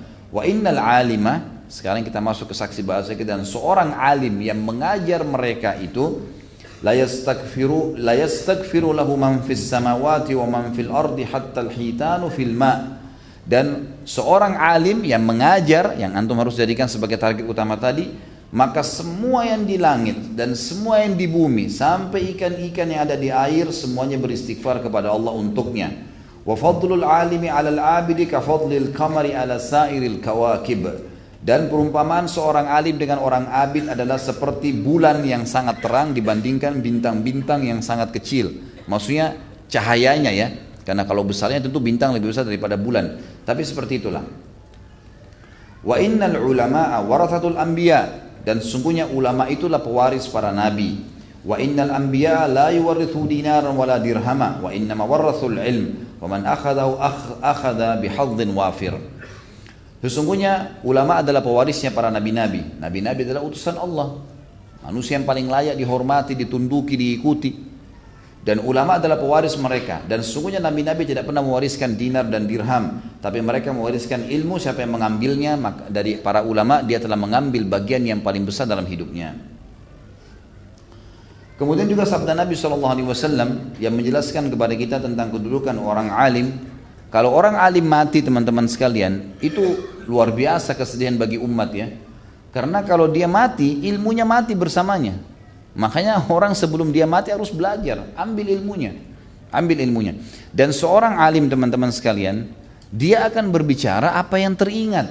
Makanya sebagai penuntut ilmu ada adabnya. Kita harus bertanya kalau tidak faham. Bertanya ini kalau tidak faham ya, kalau sudah faham sudah nggak usah tanya. Bertanya atau misalnya meminta dengan santun kepada para alim ulama ini untuk memberikan materi khusus misalnya, ya. nasihat, wasiat, gitu wasiatkan saya, nasihatin saya, saran anda seperti apa. Jadi coba minta sama mereka, karena kadang-kadang ada memang nasihat-nasihat yang disampaikan, subhanallah kita tidak tahu. Mungkin dia juga pada saat itu baru terlintas, Allah Azza wa mudahkan di benak dia, maka bisa bermanfaat buat kita. Kata Nabi SAW dalam hadis Bukhari Muslim, Inna Allah la yakbidul ilma intiza'an yantazi'u minan nas. Sesungguhnya Allah tidak mengangkat ilmu itu dengan merampasnya, tanda kutip ya, dengan paksa diambil dari manusia. Walakin yaqbidul ilma biqabdil ulama. Tapi Allah taala mengangkat ilmu dengan mematikan para ulama. Hatta idza lam yabqa aliman ittakhadha an-nas ru'usa juhala fasa'alu fa'aftau bighairi ilm fadallu wa adallu. Sampai akhirnya kalau tidak ada lagi seorang alim menjelang hari kiamat nanti maka manusia akan memilih pemimpin-pemimpin yang jahil maka akhirnya mereka ditanya tentang hukum mereka nggak ngerti tapi mereka berikan fatwa tanpa ilmu maka mereka sesat dan juga mereka menyesatkan. Jadi teman-teman sekalian ini adalah diambil dari pelajaran Zaid bin Thabit ya anhu. Ini pelajaran yang luar biasa. Karena nanti kita lihat histori hidupnya luar biasa orang ini. Ahli ilmu memang luar biasa. Sampai nanti banyak sahabat yang menanyakan fatwa kepada dia karena cerdasnya hafalannya, karena rajinnya menuntut ilmu, selalu bersama Nabi SAW, tidak pernah meninggalkan Nabi SAW, selalu bersama dan selalu bertanya kalau tidak faham, lalu menyebarkan ilmu itu kepada para sahabat. Sampai para ulama mengatakan, di antara sahabat ada yang eh, sahabat ini memanen pahala umat Islam, gitu kan? Karena mereka yang menerima wahyu dari Nabi dari Nabi SAW, lalu disebarkan kepada umat ini. Tapi di antara ulama ada yang panen pahala umat dan pahala sahabat. Mereka adalah golongan sahabat yang sibuk menuntut ilmu di zaman Nabi SAW. Karena sahabat ada tingkatan-tingkatannya. Ada sahabat yang bertemu dengan Nabi SAW sekali seumur hidup. Datang syahadat seperti untuk pembebasan kota Mekah, lalu kemudian pulang ke kaumnya. Gak pernah ketemu lagi seumur hidup dengan Nabi SAW sampai mereka meninggal. Nah ini yang banyak kelompok ini, ini yang banyak kena e, pemurtadan mereka murtad setelah Nabi SAW meninggal. Kan itu. Ini ada seperti misalnya yang yang yang uh, berhubungan dengan uh, ikuti Musailam al-Kadzab, ya, Aswad al-Unsi yang mengaku sebagai nabi pada saat Nabi SAW meninggal. Ada golongan sahabat yang bertemu dengan Nabi SAW kapan ada waktu seperti di musim haji setahun sekali misalnya. Nabi SAW lagi haji ketemu atau setahun sekali punya kesempatan datang ke Madinah dua tahun sekali ada orang sahabat yang ketemu dengan Nabi SAW sebulan sekali. Ada yang sepekan sekali kalau cuma Jumat. Datang dengar khutbah Jumat lalu pulang. Karena tempatnya jauh. Ada yang ikut dengan Nabi SAW lima waktu sholat. Gitu kan? Selalu hadir di majelis ilmunya Nabi eh, selalu hadir dengan Nabi SAW sholat lima waktu. Kalau ada penyampaian pengajian, Alhamdulillah. Kalau enggak ya sudah. Ada sahabat, ini golongan yang luar biasa, duduk bersama Nabi SAW. Di mana Nabi pergi selalu ada. Selalu mereka ikut. Ini mereka selalu kerjanya nunggu Nabi SAW di depan rumah, Nabi keluar diikutin ke mana, apa yang Nabi sampaikan, kejadian apa. Dan mereka setelah itu menyebarkan itu kepada orang-orang. Jadi makanya kalau wahyu lagi turun, siapa yang ada di situ itu yang mendengarkan. Nabi SAW mengatakan telah sampai kepada saya ayat Al-Quran, bunyinya begini. Misal 5-6 orang yang hadir, 5-6 orang ini yang menyebarkan kepada sahabat-sahabat yang lain-lain. Dan ini tingkat sahabat yang sangat tinggi nih. Karena mereka menyampaikan ilmu kepada para sahabat dan memanen pahala sahabat dan pahala para umat ini. Baik, kita masuk sekarang teman-teman sekalian ke pelajaran yang keempat. Pelajaran pertama tadi sekali lagi adalah harus kita melihat peluang sesuai dengan potensi yang kita miliki untuk menjadi amal jariah buat kita. Yang kedua adalah fadilah menuntut ilmu. Yang ketiga fadilah alim. Masuk dalamnya adalah ahli Al-Quran dan ulama secara umum. Sekarang kita masuk yang keempat yang kita ambil dari kehidupan Zaid bin Thabit radhiyallahu anhu adalah pentingnya ilmu faraid. Ilmu faraid ini teman-teman adalah ilmu bagian daripada ilmu fikih, masuk dalam ilmu warisan. Jadi kalau seseorang meninggal buat istrinya berapa atau perempuan meninggal buat suaminya berapa, kalau ada anaknya tiga berapa, ada kakeknya, ada sepupunya, ada ini, siapa yang dapat, siapa yang tidak dapat, syarat-syaratnya, ada ilmunya sendiri, namanya ilmu faraid. Ilmu faraidin adalah ilmu yang memiliki hukum dalam syariat kita. Ya, hukum. Tapi tidak semua orang menguasainya. Tidak semua orang menguasainya. Zaid bin Thabit punya fadilah. Punya fadilah di sini. Fadilahnya adalah disebutkan di dalam hadis Nabi SAW berhubungan dengan masalah faraid ini ya. Ini kalau yang pegang buku bisa lihat halaman 97 sampai 98. Di situ ada disebutkan hadis Nabi SAW yang berbunyi dan hadis ini diriwayatkan oleh Imam Bukhari dari Anas bin Malik radhiyallahu anhu di nomor hadis 4987. Kata Nabi SAW khusus ini ya, kalau ilmu-ilmu lain masih ada sahabat yang mungkin dua orang, tiga orang nguasain seperti ilmu fikih, ilmu tafsir, ilmu Quran, ilmu hadis banyak. Tapi ilmu faraid Nabi SAW khususkan satu orang nih, Zaid bin Thabit. Yang lain tahu, tapi yang menguasai jadi gurunya cuma orang ini yang sedang kita bahas. Kata Nabi SAW dalam hadis Bukhari, Afradu ummati Zaid bin Thabit. Orang yang paling menguasai faraid, ilmu warisan dari umatku adalah Zaid bin Thabit. Ya. Dia yang paling tahu tuh. Kalau meninggal si fulan, kalau meninggal si fulan, kalau tidak jelas statusnya, kalau ini, kalau itu, segala macam itu yang kita sebutkan beberapa hal yang berhubungan dengan masalah itu. Kata Ja'far bin Burqan, salah satu ulama tabi'in, aku mendengar Zuhri berkata, Zuhri juga salah satu ulama tabi'in, kalau Zaid bin Thabit tidak menulis ilmu faraid, niscaya aku melihat ilmu itu akan lenyap dari manusia. Artinya selain Zaid bin Thabit masih belum bisa menyusun seperti sebuah karya ilmiah karena luasnya ilmunya dalam masalah ini dan menerima langsung dari Nabi wasallam. Humaid bin Aswad berkata, Malik rahimahullah Imam Malik Imam Madzhab berkata, imam manusia menurut kami adalah Umar bin Khattab. Lalu setelahnya datang Zaid bin Thabit. Dan setelah Zaid bin Thabit meninggal, barulah bisa dinobatkan Abdullah bin Umar. Zaid bin Thabit ini kayak tidak ada saingannya gitu ya. Luar biasa dari sisi ilmunya karena cerdasnya. Abdullah al-Ajali berkata, manusia di atas ya, manusia yang paling di atas tingkatannya dalam kiraat, bacaan Al-Quran, dan juga dalam faraid adalah Zaid bin Thabit. Nggak ada yang lain. Di kalangan sahabat pun tidak ada yang mengalahkannya, apalagi manusia yang lainnya gitu ya. Kemudian juga Ash-Syu'bi berkata, rahimahullah, hakim itu ada empat orang yang selalu dijadikan rujukan oleh sahabat dan tabi'in. Umar, Ali, Zaid, dan Ibnu Mas'ud. Dan Ibnu Mas'ud. Ya. Tentu di sini ada beberapa perkataan-perkataan yang dinukil dari para ulama seperti Masruk rahimahullah juga berkata, para pemberi fatwa dari kalangan sahabat Nabi SAW adalah Umar, Ali, Ibnu Mas'ud, Zaid, Ubay, dan juga Abu Musa al-Ash'ari.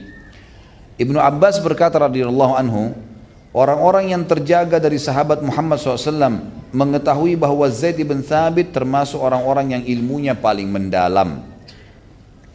Abdullah bin Abbas juga sang turjumatul turjumanul Quran, orang yang paling ahli menerjemahkan Al-Quran, ahli tafsir dan juga lautan ilmu diberikan julukan oleh para sahabat sebagai lautan ilmu Ibnu Abbas mengakui kedudukan Zaid bin Thabit dan kehormatannya yang tinggi.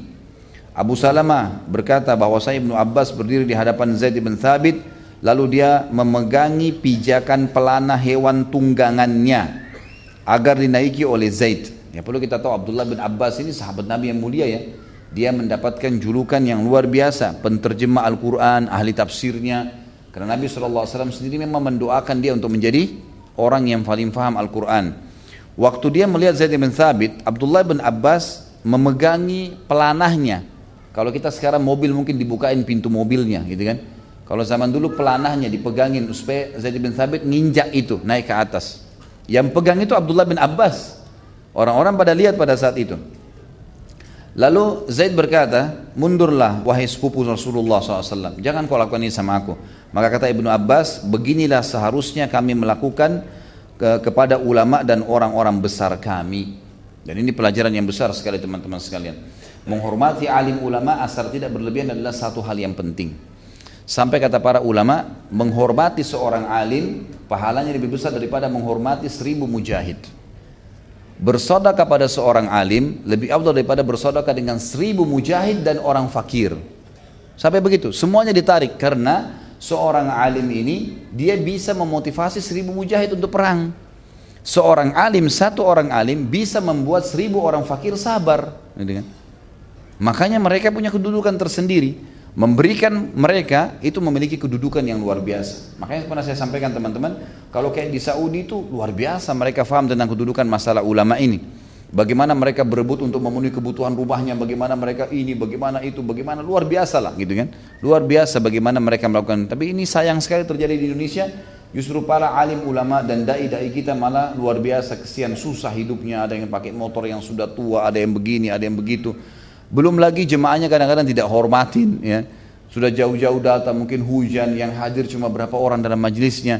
Padahal ilmu yang dibawa adalah sesuatu yang kita butuhkan, kita yang haus, bukan mereka, gitu kan?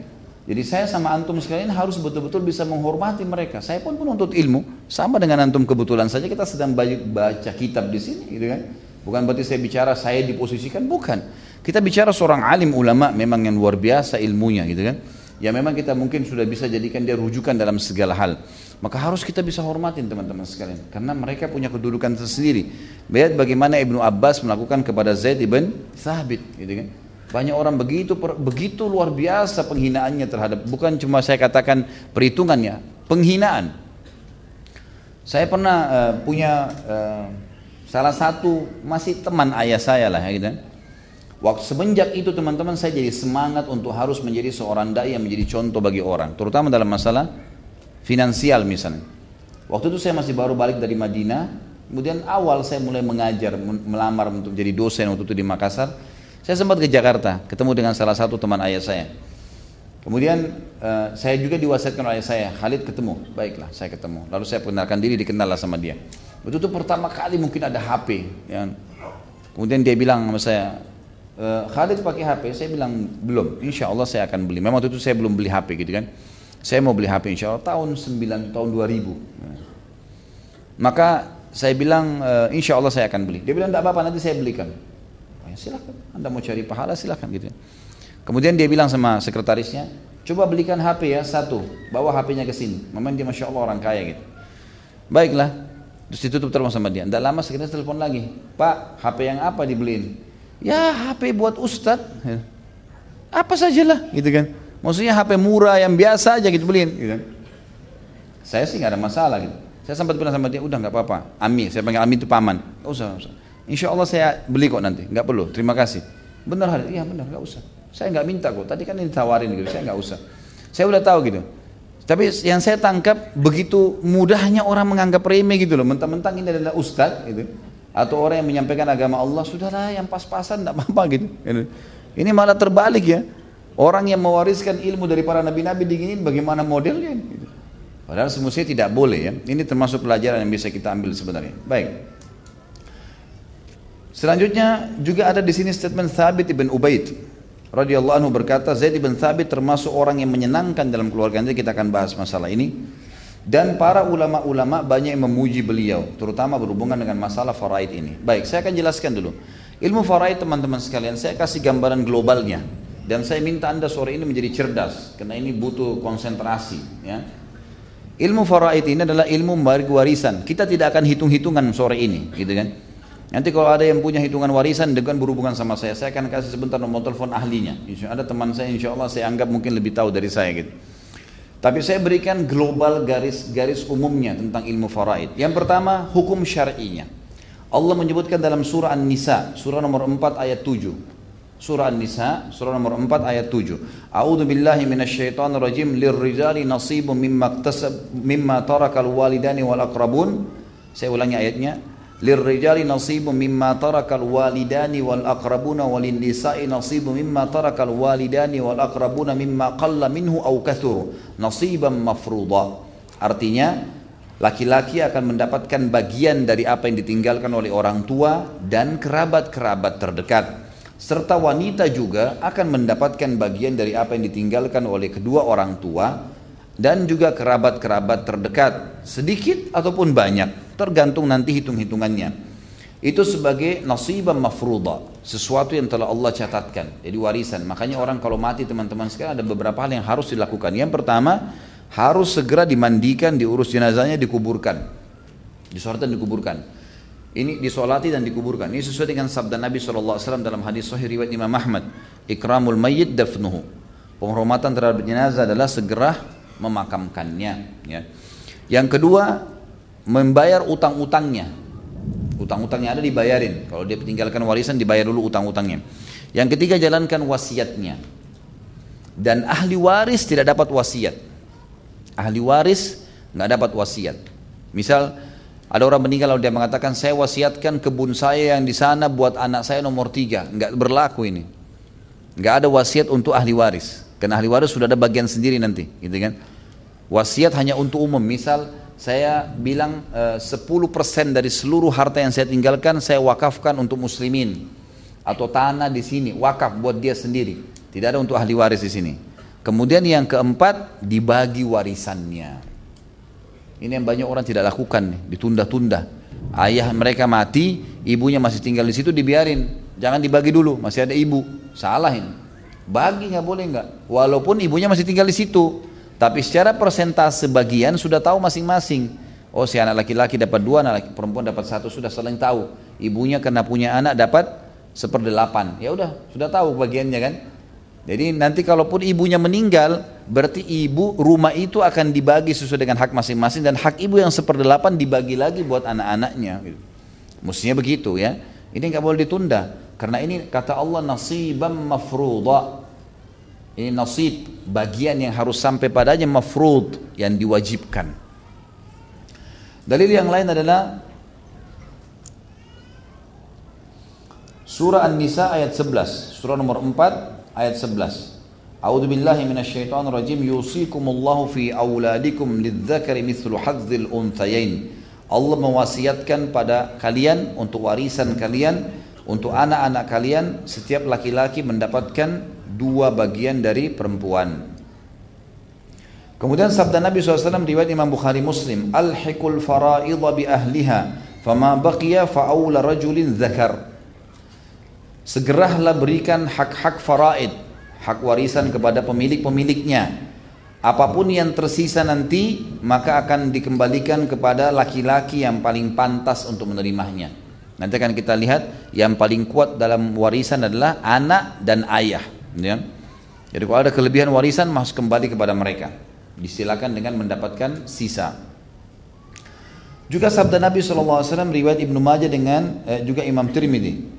Kata Nabi SAW, Inna Allah qad u'tiya qad a'ta kulla dhi haqqin haqqahu fala wasiyata liwarith sesungguhnya Allah telah membagi-bagi hak masing-masing ahli waris maka tidak ada wasiat untuk ahli waris tidak ada wasiat untuk ahli waris tadi saya sudah kasih contoh ya jadi anak kita punya anak lima masing-masing sudah punya bagian kok itu ada bagian-bagiannya kalau misalnya dari anak laki-laki itu ada tiga laki-laki dua perempuan maka perempuannya akan diberi bagiannya sepertiga kemudian yang sisanya dikasih ke anak laki-laki tidak ada lagi wasiat ada lagi wasiat. Nanti akan kita sebutkan beberapa hal yang berhubungan dengan masalah itu.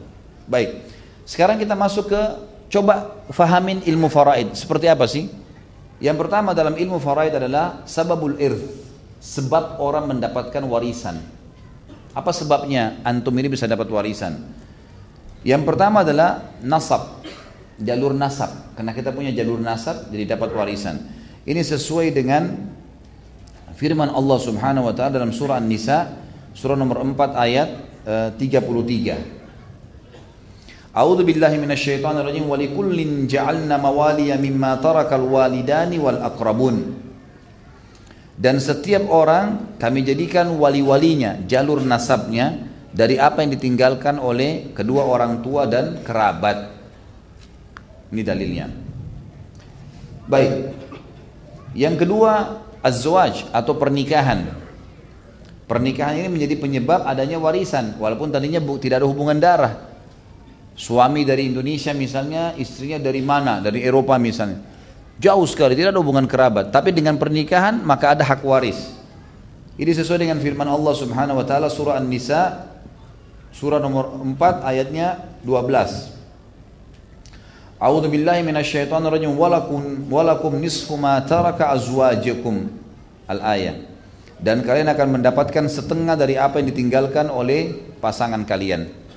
Jadi memang ada ayat Al-Qur'an ya, kalau antum lihat ayat 12 ini dijelaskan itu. Kalau suami nikah, suami istri menikah, istrinya meninggal. Tidak ada anak, suami dapat setengah. Setengah dari peninggalan istri jadi haknya dia. Kalau punya anak, seperempat. Karena anak juga punya bagian. Kalau istri, kalau nggak punya anak, dapat seperempat. Kalau punya anak, dapat seperdelapan. Kan? Jadi ada bagian yang Allah sudah kasih. Kenapa perempuan lebih sedikit daripada laki-laki? Atau kita balik, kenapa laki-laki lebih banyak? Karena laki-laki itu hak wajib nafkah orang tuanya sampai balik. Hak wajib ya. Jadi kita semuanya laki-laki di sini yang hadir, kalau begitu sudah balik teman-teman tidak boleh lagi tuntut kepada ayahnya. Beliin saya ini, beliin saya ini itu tidak ada. Kalau ayah mau silakan, kalau enggak enggak ada kewajiban. Ada anak-anak kadang-kadang subhanallah sudah 17 tahun sudah balik tinggalin rumah gara-gara ayahnya enggak mau beliin motor. Ini durhaka. Enggak ada urusannya, enggak ada kewajiban ayah beliin itu. Bukan cuma itu ya, tidak ada kewajiban nafkah. Makan minum udah enggak ada kewajiban dari ayah itu. Sunnah sudah hukumnya. Beda anak perempuan anak perempuan sampai menikah. Selama anak perempuan belum menikah, gadis tua pun wajib ayahnya biayai. Jadi anak laki-laki itu memang dia dianggap kalau sudah balik sudah harus berusaha bekerja. Makanya warisannya dapat dua. Tambah dia kalau sudah menikah, dia wajib membiayai istrinya. Perempuan sebelum nikah ayahnya, sesudah nikah suaminya. Jadi cuma serah tangan saja. Sebelum nikah ayahnya yang biayai, sesudah menikah suaminya yang biayai dan diwajibkan oleh Allah. Diwajibkan oleh Allah. Makanya bagian perempuan satu, gitu kan? Dan ini tidak boleh teman-teman sekalian, tidak boleh dibagi dengan cara diratakan, tidak bisa, haram hukumnya. Allah mengatakan lidzakari mithlu hadzil unthayain, tidak boleh diubah. Laki-laki mendapatkan dua porsi dari perempuan. Kalau misalnya sudah dibagi warisan tersebut, Kemudian pada saat sudah dibagi teman-teman sekalian, ada saudara laki-laki mau berbagi sama adiknya perempuan, dia mau kasih haknya dia silahkan. Hati-hati akhwat kita di belakang sana tidak boleh menuntut sama dengan saudara laki-laki. Haram hukumnya. Nggak boleh. Kadang-kadang subhanallah ada orang begitu ya. Karena yang tua-tua ini semua misalnya enam orang bersaudara. Empat orang perempuan semua kena dianggap kakak. Tinggal dua orang anak laki-laki yang muda yang bungsu. Walaupun sudah berumah tangga dianggap oh adik nggak apa-apa. Udah dibagi rata aja. Terima nggak terima terserah ini nggak boleh. Bahkan saya dapat kasus pernah ada kalau nggak salah daerah Surabaya. Itu semoga Allah kasih hidayah supaya bisa dibagi semau mereka. Mereka nggak masuk ke pengadilan agama, mereka masuk ke pengadilan negeri. Jadi ngikut peraturan bukan Islam, gitu kan? Ini haram, itu uang haram diambil, tidak boleh, haram hukumnya. Yang ketiga, yang menyebabkan dapat warisan adalah al-wala namanya. Sebagaimana sabda Nabi SAW dalam hadis Bukhari Muslim, al-wala liman a'taq. Al-wala itu teman-teman sekalian adalah seperti saya pernah kasih contoh, saya pernah jelaskan di hukum Salim Maula Abi Hudzaifah.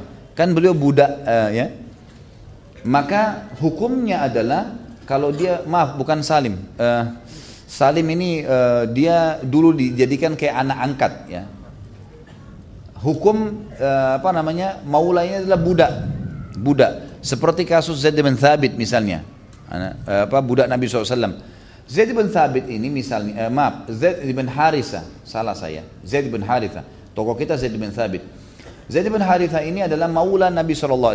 Karena Zaid bin Haritha dibebaskan oleh Nabi SAW. Jadi kalau ada terjadi peperangan kaum muslimin lawan orang kafir. Dan kita menang dalam peperangan tersebut. Maka semua yang dipasukan kan jadi budak ya. Nah ini namanya hamba sahaya. Kita bisa perjualbelikan. Nah hukumnya ada di sini. Hukum yang paling mulia adalah kalau antum bebasin tuh budak-budak. Jadi kan kedekatan sama Allah dengan cara mengatakan saya bebaskan kamu. Udah, pahala. Makanya Allah mengatakan fakku rakabah, fakku rakabah. Bebaskan budak, bebaskan budak. Fadahriru raqabah, bebasin budak, gitu kan? Kita disuruh bebasin itu ibadah. Dan untuk saya bahas tentang Zubair bin Awam, Uthman bin Affan, mereka menjadikan jadwal rutin setiap hari membebaskan 36 budak, 50 budak. Besok kan tergantung dananya ada berapa gitu. Itu memang ibadah. Yang kedua, bisa pembebasan budak ini dengan jadi kalau maaf, yang pertama tadi kalau kita bilang saya bebaskan kamu karena Allah. Di sini ada namanya hukum maula. Jadi karena saya bebasin si A misalnya yang budak saya saya bebasin kamu bebas karena Allah. Dikatakan A maula Khalid. Saya dapat gelar maula karena saya bebasin dia. Nah, si budak ini kalau dia setelah bebas dari keterbudakan dia kerja dia jadi kaya raya bahkan mungkin lebih kaya dari saya. Kapan dia meninggal saya termasuk ahli waris. Saya mewarisi dia, tapi cuma saya ya. Anak istri saya enggak, karena saya yang bebasin. Namanya hukum maula. Kan gitu. Masuk juga dalam masalah maula adalah orang anak kecil waktu kita jelasin hukum Salim Maula Abi Hudzaifah. Anak yang antum temukan tidak jelas siapa orang tuanya. Ya. Ditemukan di jalan misalnya itu kita kesian diangkat anak itu lalu kita pelihara. Biasa kita bilang di Indonesia anak angkat. Ini tetap harus nisbat kepada ayahnya kalau kita tahu. Kalau tidak tahu maka nisbatnya kepada nama yang kata ulama fikih dinisbatkan kepada Allah. Misal Abdullah, Abdurrahman, kita kasih nama dia misal, kita kasih nama dia uh, Hafsah misalnya. Baik, Hafsah binti Abdurrahman. Abdurrahman ini nggak ada orangnya. Karena nggak jelas gitu kan dinisbatkan kepada Allah. Seperti itulah. Sekarang pemerintahan Saudi berpegang pada itu dan dibuat lembaga-lembaga khusus berhubungan dengan masalah itu. Nah, kalau dinisbatkan bisa dinisbatkan ke itu bisa dinisbatkan ke ayahnya atau bisa dinisbatkan kepada orang yang memeliharanya tapi dikatakan maula. Misal anak itu namanya Hafsah, yang angkat dia, pelihara dia misalnya namanya Ahmad. Maka dikatakan Hafsah maula Ahmad. Seperti itulah. Jadi ada hukum maula juga sini sama dengan Salim maula Abi Hudzaifah. Salim maula Abi Hudzaifah. Ini juga ada hukum maula namanya. Ini juga menjadi warisan, menjadi penyebab warisan. Baik. Kemudian kita masuk yang kedua adalah mawani'ul irth. Apa saja yang membuat warisan tidak didapat? Penghalang warisan. Yang pertama kekafiran, kufur, murtad. Atau memang dasarnya kafir.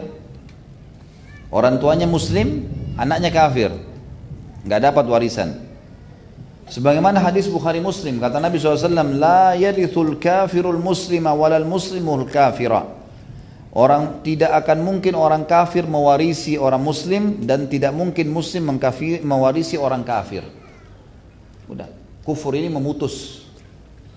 Ada orang ada orang tua punya anak laki-laki, anaknya masuk Islam, orang tuanya nggak mau masuk Islam, orang tuanya mati, anaknya nggak dapat warisan. Sama kalau kita balik, gitu kan? Orang tuanya Muslim, anaknya murtad, nggak dapat warisan. Yang kedua, al-qatl, pembunuhan. Sebagaimana sabda Nabi SAW di dalam hadis yang diriwayatkan oleh Ibn Abdul Bar, "Laisa lil qatili min tarikatil maktulu syai. Tidak ada hak bagi pembunuh dari apa yang ditinggalkan oleh orang yang terbunuh. Misal contoh kan ada dalam warisan saudara mewarisi saudaranya ya. Tapi ternyata si adik memukul kakaknya mati. Di sini yang membunuh tidak punya hak waris. Dia membunuh walaupun dia tadinya masuk dalam kategori ahli waris Di dalam hadis yang lain diriwayatkan oleh Darul Qutni dan Baihaqi, kata Nabi SAW, "Laisa lil qatil min minal mirathi syai." Tidak ada hak warisan bagi pembunuh. Tentu di sini dimaksud teman-teman sekalian orang yang dia bunuh ya. Orang yang dia bunuh kalau ada hubungan kerabat sama dia, maka dia nggak dapat warisan. Bukan masuk dalam sini misal ada seseorang A membunuh si B, B nggak ada urusannya, nggak ada kerabatnya dia nggak ada hubungan kerabat kan? Ini kan hukumnya kalau terbukti si A memang membunuh secara uh, secara jelas maka dia dikisos kan gitu. Tapi kalau dia misal membunuh si B lalu ada negosiasi sama walinya si B bisa dipenggal dia dihukum dia atau dinegosiasi membayar dia namanya denda. Misal kerabatnya si B bilang udah bayar aja 100 juta nggak usah dipenggal nggak usah dikisos udah dia bayar sama dia Terus si pembunuh ini ayahnya mati, tetap dapat warisan dia. Karena di sini yang dia bunuh bukan orang yang berhubungan sama warisannya. Faham ya? Jadi jangan sampai antum salah faham menganggap orang yang mati, eh, orang yang membunuh berarti dari orang tuanya nggak dapat warisan, padahal yang dia bunuh orang lain bukan. Jadi yang dia bunuh memang ada hubungan warisan dengan dia. Jelas? Masih paham? Mana yang di belakang sana? Nih? Baik. Selanjutnya zina. Anak zina maksudnya. Anak zina nggak ada warisan. Pernah saya jelaskan ya, anak zina tidak ada penisbatan nama, tidak ada warisan. Kalau anak perempuan tidak bisa pemilik sperma menjadi wali. Tapi yang kita saksi bahasan adalah masalah warisannya. Tidak ada warisan di antara mereka. Hadis Bukhari Muslim. Kata Nabi SAW, Al-waladu lil firashi walil ahiril hajr. Sesungguhnya anak itu pemilik ranjang dan bagi pezina hajir kosong nggak dapat apa-apa. Jadi gini maksudnya, kalau ada seorang istri punya suami ya, istri di sini statusnya istri selingkuh sama laki-laki lain, dia berhubungan badan sama suaminya, dia juga berhubungan badan sama laki-laki itu selingkuhannya. Lalu dia hamil, nggak jelas nih anaknya siapa. Maka kata Nabi SAW, anak itu pemilik ranjang, si suami. Dianggap anaknya suami. Karena dia pemilik sperma yang sah, gitu kan. Yang ini tidak sah. Dan orang yang pezina, yang per, yang selingkuh tadi, tidak punya apa-apa. Nol, tidak punya apa-apa. Tetapi, anak ini, anak ini, statusnya sekarang, kata ulama, masuk dalam status anak zina. Karena walaupun dianggap sah spermanya si suami, gitu kan? Tapi ada campur tangan sperma laki-laki lain. Tanda kutip ya. Makanya masih dianggap anak zina. Anak zina tidak ada warisan. Kalau kasus lebih jelas lagi kalau ada laki-laki sama perempuan belum menikah dua-duanya lalu berzina lalu hamil. Nah anak hamil itu tidak ada warisan itu yang dimaksud. Selanjutnya yang keberapa ini kufur e, membunuh zina dan yang keempat li'an Li'an itu saling melaknat. Saya pernah jelaskan hukum li'an, saya ulangi lagi. Li'an itu kalau misal ada seorang suami menuduh istrinya berzina atau sebaliknya. Si istri menuduh suaminya zina, tapi mereka nggak punya saksi. Kan dalam Islam kalau seseorang menuduh orang lain berzina dia harus punya saksi ya. Kalau tidak punya saksi teman-teman sekalian, khusus suami istri ada cara lain dalam syariat. Caranya adalah si penuduh bersumpah kepada Allah, misal suami itu istrinya mengatakan demi Allah dia berzina. satu kali. Empat kali dia sumpah. Demi Allah dia berzina. Demi Allah dia, terus sampai empat kali. Dan yang kelima dia bilang Allah akan murka kepada ini orang yang menuduh ini si suami kalau dia dusta. Lalu istrinya didatangkan. Istrinya lalu ditanya lagi. Kamu bagaimana? Dia bilang saya tidak lakukan. Baik, siap bersumpah, saya bersumpah. Sumpahlah empat kali. Demi Allah suami saya bohong. Demi Allah suami saya bohong. Terus sampai empat kali. Yang kelima kali dia bilang laknat Allah akan menimpa si perempuan yang tertuduh tadi kalau si laki-laki itu yang benar. Ini namanya li'an, hukum saling melaknat. Ini ada dalam Islam, jadi tidak ada sumpah pocong ya. ya. Indonesia kan ada sumpah pocong, pakaian kain kafan, baca surah yasin, ini nggak ada syariatnya sama sekali. Tapi yang ini ada, namanya hukum li'an. Nah, kalau orang sudah saling li'an begini, ini salah satu dalam bab cerai, namanya cerai abadi. Ya, kan tolak itu cerai ada dua ya ada tolak raj'i, cerai yang bisa kembali, ada tolak bayin, cerai yang tidak bisa kembali. Tetapi bayin pun dibagi dua. Ada bayin yang masih bisa kembali tapi dengan syarat, ada bayin tidak bisa kembali sama sekali. Jadi kalau misal gini, seseorang muslim, dia berkata pada istri dalam kondisi dia tidak suka sama istrinya atau apa, dia mengatakan saya ceraikan kamu. Baik, terjadi cerai satu. Masih bisa kembali? Masih bisa karena namanya tolak raji'i. Raji'i masih bisa kembali. Kalau dalam tiga kali masa haid perempuan tersebut, ya, si laki-laki ini merujuk suaminya, eh, merujuk istrinya, atau istrinya meminta maaf dan suaminya setuju, walaupun mereka cuma tiba-tiba baikan, mereka kumpul, apalagi sampai hubungan badan, walaupun tidak nikah lagi selama masa dalam dalam dalam iddah tiga bulan masa haid, maka itu sah kalau lewat dari tiga kali masa haid, maka hukumnya, ya, kalau lewat tiga kali masa haid, hukumnya itu harus nikah baru. Harus nikah baru lagi. Seperti awal, ada wali perempuan, ada mahar dan seterusnya. Terus kemudian berjalan tiga bulan, dia ceraikan lagi istrinya misalnya. Cerai yang kedua, masih namanya tolak raj'i. Kalau sudah cerai yang ketiga, sudah tiga kali dia katakan saya ceraikan kamu, maka namanya tolak bayin. Tolak yang cerai sudah tidak bisa kembali kecuali ada tadi dua macam tolak bain. Ada yang pakai syarat, ada yang tidak ada syarat. Yang ada yang tidak ada syarat ini selamanya. Yang ada syarat adalah kalau perempuan itu nikah sama laki-laki lain, pernikahan sah, kemudian terjadi perceraian juga sah, baru terbuka variabel untuk kembali dengan suami mantan suami yang pertama. Bukan direkayasa. Karena kalau direkayasa pernikahan kedua ini hukumnya lain lagi. Ya. Ini haram, dilaknat oleh Nabi SAW. Nggak boleh, gitu kan? Nggak boleh. Ini lain lagi bahasanya tentunya. Baik, ada tolak yang kedua bayin. Tolak bayin yang kedua ini tolak abadi. Perceraian abadi, yaitu kalau sudah saling laknat. Kayak tadi saling tuduh. Pernah terjadi di zaman Nabi SAW seorang laki-laki menuduh istrinya. Lalu dia bilang, ya, istri saya selingkuh ya Rasulullah. Kata Nabi SAW, apa kau sudah pastikan? Iya. Panggil istrinya, suamimu tuduh. Dia bilang tidak. Kata Nabi SAW, baiklah. Siap bersumpah? Siap bersumpah. Kata Nabi SAW, hati-hati. Hukuman akhirat lebih berat. Mengaku lebih baik. Tetap bertahan. Si suami tetap nuduh, si istri tetap bertahan. Maka si suami bersumpah empat kali kalau istrinya betul-betul selingkuh, yang kelima kali Allah akan murka sama dia. Kemudian si istri juga begitu dibalik. Dia bersumpah kalau empat kali suaminya itu selalu laknat Allah datang kepada dia. Setelah itu Nabi SAW memisahkan mereka selamanya. Nggak bisa lagi kembali nih. Abadi namanya li'an. Makanya warisan pun habis. Jelas ya? Ini hanya terjadi pada suami istri. Baik, selanjutnya yang keberapa? Yang kelima. Yang pertama kan kekafiran, yang kedua pembunuhan, yang ketiga anak zina, yang keempat saling laknat, yang kelima adalah janin mayit bahasa Arabnya. Maksudnya eh, janin yang mati sebelum bersuara atau anak bayi mati Anak bayi nggak ada warisan kan?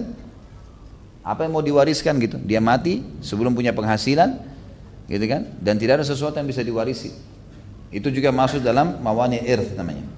Baik kita masuk ke poin yang ketiga. Jadi poin yang pertama masalah warisan tadi adalah sebab mendapatkan warisan. Poin yang kedua penghalang-penghalang warisan. Poin yang ketiga syarat-syarat mendapatkan warisan.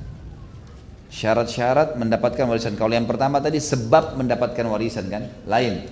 Ini syarat sekarang. Antum sudah masuk dalam kategori penerima warisan.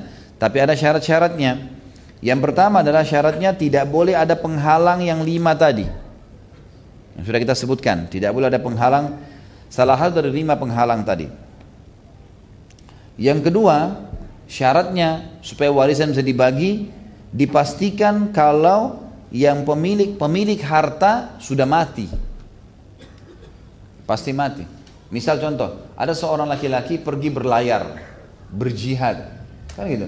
Tidak tahu dia kembali kapan, putus kontak. Istrinya, anaknya nunggu. Setahun kah, berapa bulan kah, nggak jelas. Ini orang hidup atau mati nih. Maka ini selama belum dipastikan kematiannya nggak boleh dibagi warisannya.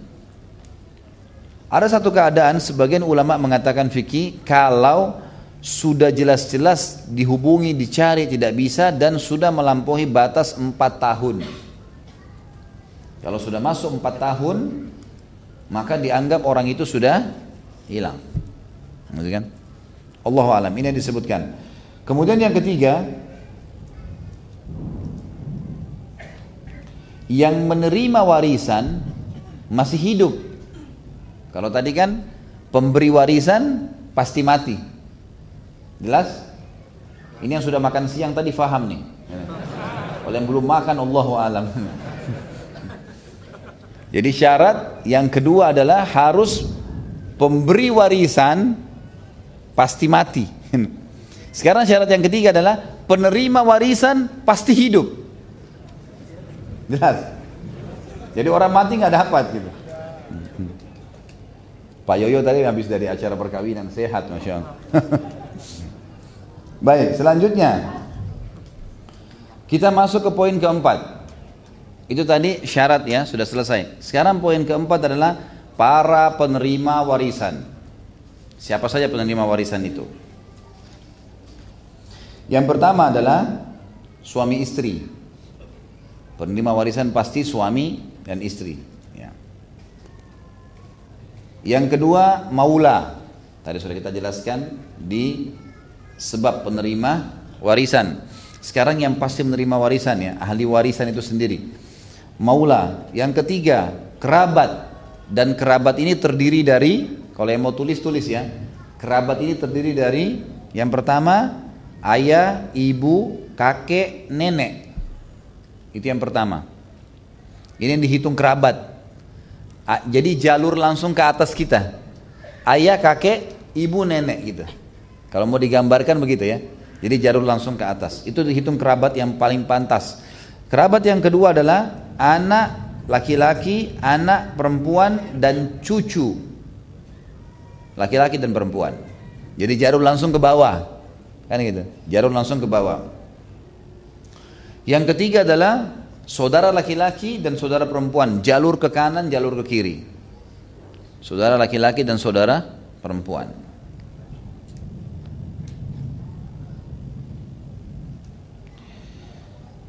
Dalam masalah kerabat ini ada orang-orang yang tidak masuk dalam ahli waris.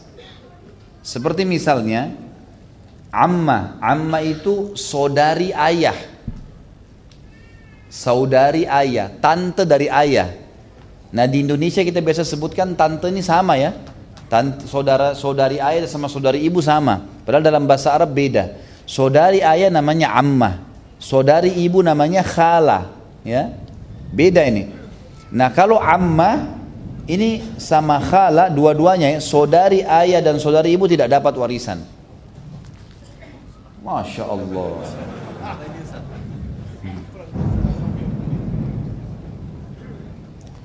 Kemudian yang tidak dapat warisan juga cucu perempuan. Ya. Cucu perempuan. Maksudnya di sini lebih tepatnya begini. Cucu perempuan dari anak perempuan. Gitu. Tulis begitu ya. Cucu perempuan dari anak perempuan. Maksudnya si A mati, ada anaknya perempuan. Si Ahmad mati namanya Aisyah. Anaknya dia Aisyah. Aisyah punya anak lagi Hafsah. Nah, si Hafsah itu tidak dapat warisannya si Ahmad. Cucu perempuannya dari anak perempuan. Ya. ini rincian para ulama uh, fikih ya. Kemudian juga yang tidak dapat dari kerabat adalah keturunan saudara laki-laki dan saudara perempuan. Keponakan. Keponakan aja ditulis keponakan tidak dapat warisan. Nggak ada hubungannya sama mayit. Tapi orang tua mereka, saudara kita, yang itu dapat warisan. Tapi anak saudara nggak dapat warisan.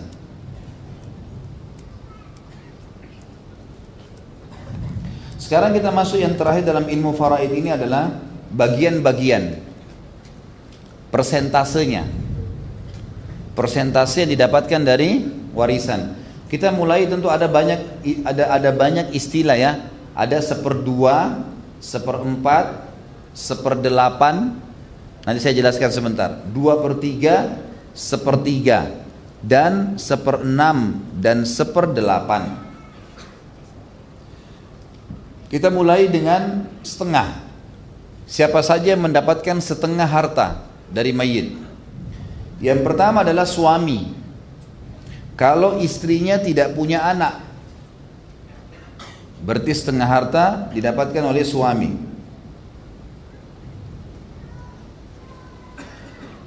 Yang kedua, anak perempuan. Kalau dia sendirian, nggak ada saudaranya, nggak ada saudarinya. Suami istri punya anak perempuan, satu saja perempuan, tidak ada anak lain. Maka kalau ayahnya meninggal atau ibunya meninggal, dia juga mendapatkan setengah harta.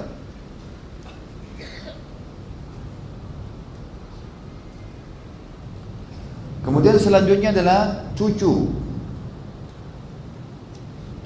Cucu akan mendapatkan setengah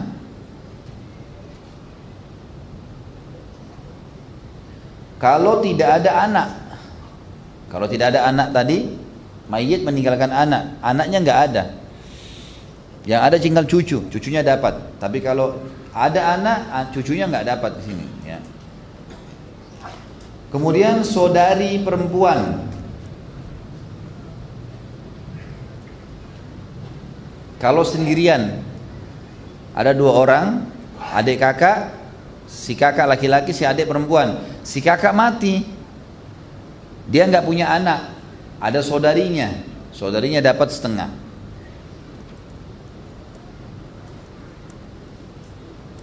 Kita masuk sekarang seperempat bagian dari yang dibagi seperempat harta.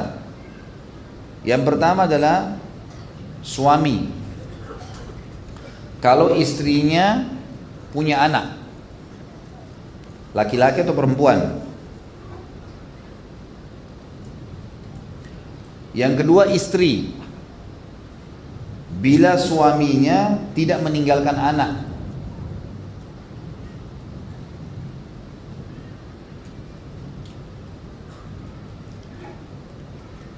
kita masuk sekarang seperdelapan saya memang sebenarnya seperempat ini masuk sepertiga ya, tapi kita masuk langsung ke seperdelapan dulu karena seperdelapan adalah hubungannya sama dengan hampir sama dengan seperempat. Seperdelapan cuma satu orang saja, yaitu istri kalau suaminya punya anak. Tadi seperempat kalau istri suaminya meninggal tidak punya anak seperempat, ya istri kita akan dapat seperempat kalau kita meninggal kita nggak punya anak. Tapi kalau kita punya anak, maka dia dapat seperdelapan si istri. Selanjutnya dua per tiga, dua per tiga dari harta, lebih banyak lagi bagian. Ini adalah dua orang bersaudara perempuan, dua saudari perempuan, atau lebih. Seseorang si A meninggal, dia punya dua saudari perempuan, atau dia punya dua ke atas tiga empat lima saudari perempuan semuanya. Pokoknya dua ke atas ya saudari perempuan. Itu kalau tidak ada anak laki-laki ataupun anak perempuan atau tidak ada cucu laki-laki atau cucu perempuan. Jadi misalnya si mayit ini meninggal. Dia nggak punya anak dia juga nggak punya cucu. Tapi ada saudari perempuan semua maka dapat di sini dua per tiga dari harta. Banyak bagiannya ini tapi karena jumlah mereka banyak dan syaratnya tidak ada anaknya si mayit. Jadi kalau antum tulis dua per tiga adalah saudari ya, yang jumlahnya dua ke atas selama tidak ada anaknya si mayit, laki-laki atau perempuan atau tidak ada cucunya. Selanjutnya adalah cucu, dua orang cucu ke atas. akan dapat dua per tiga harta kalau tidak ada saudaranya mayit dan anak laki-lakinya. Tidak ada saudaranya mayit atau anak laki-lakinya. Ini ini memang mesti ditulis dulu ya. Nanti antum sebentar baca, oh iya ini maksudnya. Nah, harus begitu memang caranya. Karena kalau antum langsung renungin mungkin ini butuh konsentrasi lebih banyak gitu. Selanjutnya dua anak perempuan ke atas, dua per, dua anak perempuan jumlahnya lebih dari dua ke atas, dua, tiga, empat, lima dan seterusnya. Anak perempuan semuanya. Kalau tidak ada anak laki-laki, misal ada seorang meninggal, anaknya lima perempuan semua, atau enam orang semua perempuan, maka dua per tiga dari warisan larinya ke mereka. Kemudian sepertiga, kita masuk sepertiga ya, ibu akan dapat sepertiga. Kalau seandainya si mayit tidak punya anak si mayit tidak punya anak atau tidak punya cucu ibunya mayit dapat sepertiga. Yang dapat sepertiga juga yang lain adalah dua orang saudari perempuan ke atas. Dua orang saudari perempuan atau tiga atau empat atau lima atau enam saudari perempuan ya. Itu kalau si mayit nggak punya anak atau cucu. Ini dapat sepertiga. Kemudian kakek. Kakek juga akan mendapatkan sepertiga. Kalau kondisi si kakek masih hidup Si A mati, ayahnya dia si B, B sudah mati, ada kakeknya, si C. Jadi yang mati cucu, kakek masih hidup. Kakek bisa dapat sepertiga harta pada saat ayah nggak ada. Ayah ini paling kuat ya. Ayah sama anak laki-laki ini bisa menghajib, dia bisa menutup, dia bisa menahan warisannya orang lain. Karena ayah dan dan anak ini mengambil sisa dari warisan kalau tadi misalnya ada seper, dua per tiga tuh, sisanya buat mereka udah diambil. Jadi dia paling kuat. Kakek ini akan dapat sepertiga kalau si mayit tidak punya ayah, juga saudaranya si mayit dan saudarinya itu jumlahnya dua ke atas. Saudaranya si mayit, mayit mati si A mati, dia punya saudara B, C sama D, F, dua perempuan, dua laki-laki. Tidak ada lagi pewaris lain kecuali dua saudaranya ini dan si kakek. Maka kakek dapat sepertiga. Terakhir seperenam. Seperenam itu akan didapatkan oleh ibu kalau si mayit memiliki keturunan, punya anak.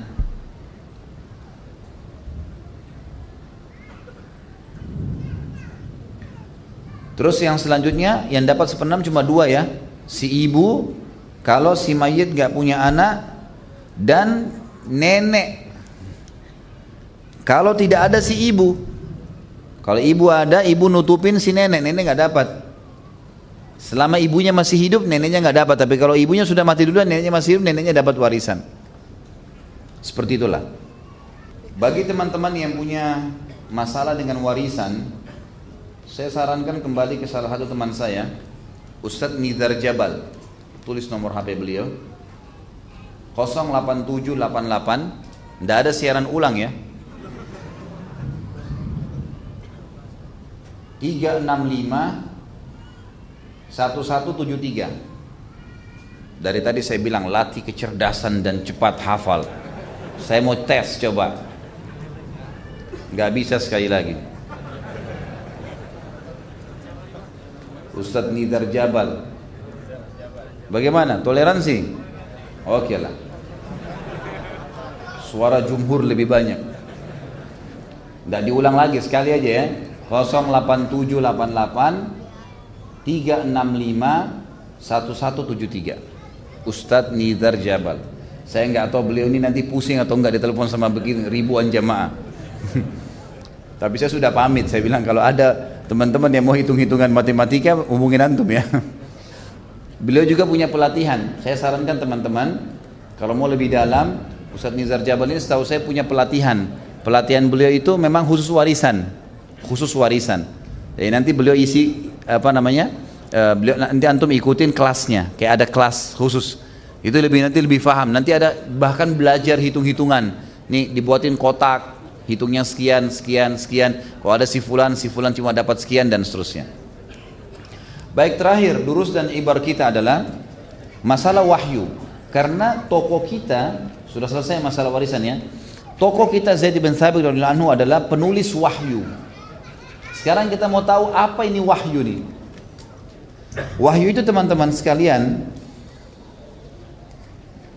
kalau secara etimologi, secara bahasa ya, artinya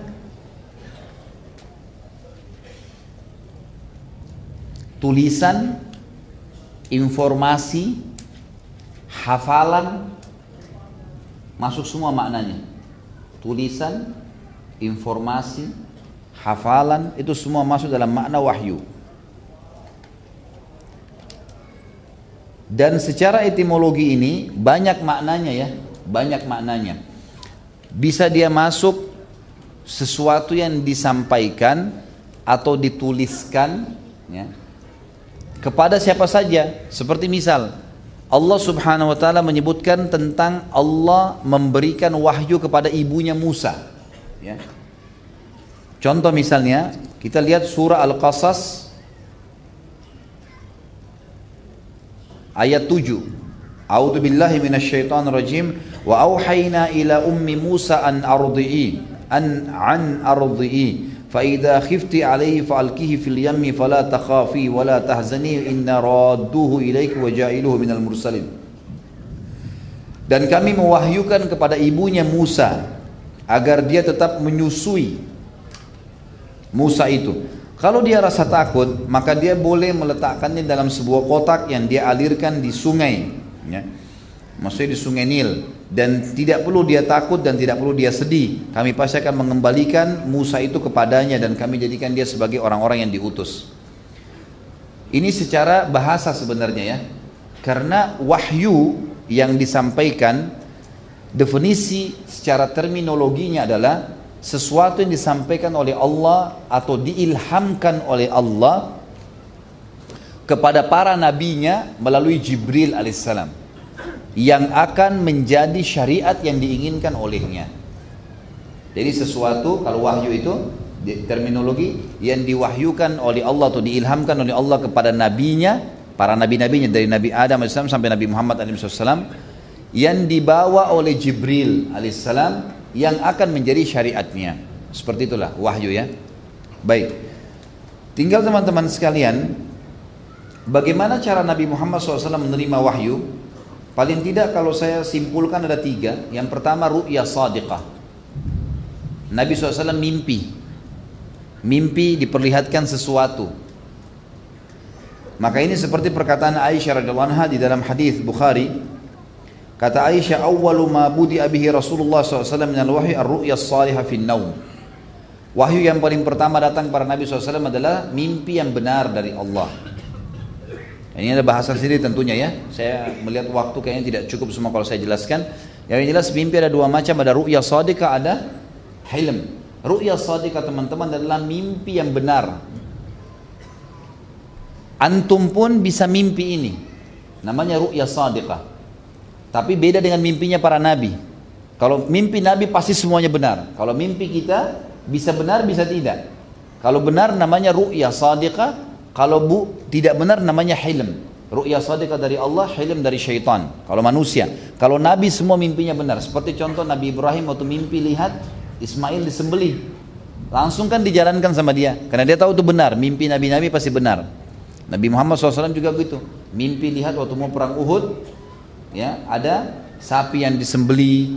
Kemudian ada Eh, pedang pedang yang patah gitu kan kemudian beliau masuk ke dalam sebuah benteng yang besar waktu ditanya oleh para sahabat ya Rasulullah apa takwilnya kata Nabi SAW kalau pedang yang patah itu ada uh, kerabatku yang akan jadi korban nanti. Hamzah mati kan, radhiyallahu anhu. Kemudian sapi yang disembeli itu adalah sahabat-sahabatku yang akan terbunuh. Sementara aku masuk di sebuah benteng yang kuat aku ibaratkan adalah Madinah. Mimpi yang benar. Kalau kita orang kalau antum berada di jalan yang benar, di jalan Allah, kemudian antum mimpi misal mimpi lihat Ka'bah, mimpi sesuatu yang baik lah, mimpi baca Al-Qur'an. Ada juga orang kadang-kadang mimpi mati, meninggal. Ada orang mimpi masuk neraka. Ada orang mimpi diperlihatkan surga. Itu mimpi, ru'ya sadiqah. Maka ini ada hukum sendiri, ini memang terjadi. Kata Nabi SAW, mimpi yang benar bagi orang beriman adalah salah satu dari cabang 40 dari cabang kemujizatan para nabi. Tapi kalau misal mimpi digigit hewan, ini adalah mimpi dari syaitan. Pernah saya jelaskan ya, di Indonesia ini ada pemahaman salah, kalau digigit ular mau apa? Kalau nenek-nenek digigit ular? Ini semua nggak benar. Ini hilm dari syaitan. Mimpi jatuh dari tempat yang tinggi, mimpi diciki orang. Ini semuanya adalah dari syaitan. Baca a'udzubillahi minasyaitonirrajim. Kata Nabi SAW, kalau kalian lihat hilm, mimpi buruk, menakutkan kita, maka kalau dia terbangun, meludahlah ke sebelah kirinya tiga kali. Ditiup. Minasyaitonirrajim lalu mengubah posisi tidur. Biasanya ini kena tidak uduk sebelum tidur atau tengkurap pada saat tidur, gitu kan? Ini semua adalah bisa penyebab mimpi buruk itu. Yang kedua teman-teman sekalian adalah ilham. Ada maaf, ada lima cara ya, bukan tiga. Ada lima. Yang kedua adalah ilham yang dimasukkan ke dalam hati Nabi Muhammad SAW oleh Jibril alaihissalam. Ilham yang masuk. Kemudian yang ketiga, Jibril alaihissalam datang dalam poster manusia. Seperti hadis tentang inna ma'amalu bin niyat, gitu kan? Eh maaf, tentang rukun Islam, iman dan ihsan. Yang Jibril alaihissalam datang dalam poster manusia. Yang keempat, datang dalam gambar aslinya sebagai malaikat. Seperti kasus di Ghar Hira, ya. Pertama terima Iqra bismi rabbikal ladzi khalaq. Waktu itu Jibril datang dalam bentuk manusia, setelah itu Jibril SAW, waktu Nabi SAW pulang mau lari ke rumahnya karena beliau ketakutan, Jibril sempat datang dalam poster aslinya. Yang kata Nabi SAW, di mana pun saya memandang mata saya ke langit, di sana badan Jibril memenuhi langit. Kemudian juga pernah Nabi SAW lihat sekali dalam poster asli Jibril SAW di Sidratil Muntaha, waktu akan menerima perintah lima waktu sholat. Yang terakhir yang kelima adalah Allah Subhanahu wa taala memberikan nabinya Muhammad wasallam dalam bentuk suara lonceng yang keras. Lonceng yang keras ya. Seperti itulah. Jadi Nabi SAW kalau dengar suara lonceng yang keras beliau duduk dan beliau keringatan walaupun di musim panas eh di musim dingin beliau akan mengeluarkan keringat yang seperti biji-biji kurma dan ini disebutkan uh, dalam banyak riwayat sahabat mengatakan dan ini yang paling berat bagi Nabi Shallallahu Alaihi Wasallam. Baik sekarang kita tutup teman-teman sekalian dengan manakibnya dengan apa manfaatnya yang kita bisa ambil. Sudah masuk waktu belum? Hah? Baik. Yang pertama adalah beliau terkenal sekali dengan kecerdasannya dan menguasai apa yang sedang beliau katakan, apa yang beliau pelajari dan ini terus saya sebutkan tadi panjang lebar. Dan ini bagi teman-teman yang pegang bukunya tentu bisa melihat di halaman 91 sampai 92. Cerita yang tadi saya bilang beliau mempelajari bahasa Yahudi yang kedua teman-teman sekalian adalah beliau penulis wahyu dan wahyu sudah saya jelaskan tadi. Wahyu adalah sesuatu yang diturunkan oleh Allah SWT dan berarti kata ulama pelajaran yang luar biasa dari Zaid bin Thabit anhu beliaulah yang memanen pahala semua yang berhubungan dengan Al-Quran. Karena beliau penulis wahyunya. Dan kerja cerdasnya maka Nabi SAW memilih beliau sebagai penulis wahyu. Karena cerdasnya tadi sudah belajar bahasa Yahudi bisa, dia tulis juga bahasa Yahudi bisa dalam dua minggu, maka disuruh Zaid bin Thabit untuk menulis wahyu. Dan ini bisa dibaca di halaman e, tentunya 92 ya. Kata Zaid bin Thabit, ketika saya mulai menulis baris-baris tentang sahabat yang eh, maaf, dikatakan di sini Zaid bin Thabit e, dipuji oleh sahabat Abu Bakar dan Uthman mengatakan Zaid bin Thabit adalah seorang imam besar, syekh para mukri, imam ahli faraid, mufti pemberi fatwa di Madinah. Jika Umar menunaikan ibadah haji, dia menjadikannya sebagai pengganti dan yang mengurus Madinah. Sebentar, nggak masalah. Tunggu sebentar azannya. Selanjutnya teman-teman sekalian adalah uh, karena kecerdasannya Allah SWT angkat dia menjadi ya, penulis wahyu. Kemudian di halaman 96 juga disebutkan dialah satu-satunya yang dipercayakan untuk mengumpulkan Al-Quran di zaman Uthman bin Affan. Jadi waktu di zaman Uthman bin Affan banyak orang-orang masuk Islam, Maka bingung mau diapakan nih? E, bagaimana caranya? Dialek-dialek berbeda-beda. Maka selalu terjadi perselisihan. Banyak sahabat yang musyawarah dengan Uthman kita apakan nih? Kata Uthman radhiyallahu anhu, kumpulin semuanya Al-Quran dan suruh Zaid ibn Thabit menjadi penentunya. Dia penentunya di sini. Bagaimana dia menentukan ini benar atau ini salah, ya. Jadi itu teman-teman bisa membaca di halaman 96. Bagaimana disebutkan memang dari Anas bin Malik bahwa Uzaifah bin Yaman datang kepada Uthman. Dia ikut dalam perang bersama orang-orang Syam dan Irak untuk membuka Armenia dan Azerbaijan. Hudzaifah merasa sangat takut dan khawatir terhadap perbedaan mereka dalam kiraat cara baca Al-Quran. Maka Hudzaifah berkata kepada Uthman, wahai Amir Mukminin, selamatkan umat ini sebelum mereka berselisih dalam Al-Quran seperti berselisihnya orang Yahudi dan Nasrani. Maka Uthman mengirim orang-orang kepada Hafsah radhiyallahu anha untuk menyampaikan pesan, kirimlah mushaf kepada kami. Kami akan menyalinnya di mushaf-mushaf kemudian mengembalikannya kepadamu. Maka Hafsah pun anak dari uh, Umar bin Khattab yang merupakan istri Nabi SAW mengirimkan kepada Uthman dalam bentuk pelapa-pelapa kurma dan tulang-tulang unta. Lalu Uthman memerintahkan Zaid ibn Thabit yang dibantu oleh Abdullah bin Zubair, Sa'ad bin Abi Waq, Sa'id bin, bin As dan Abdurrahman bin Harith bin Hisham agar mereka semua menyusun dan menyatukan Al-Quran dalam bahasa Quraisy. Lalu sisanya oleh Uthman bin Affan yang tersebar di muka bumi ini dibakar sehingga tidak menjadi fitnah dan Zaid bin Thabit di sini menjadi pimpinannya.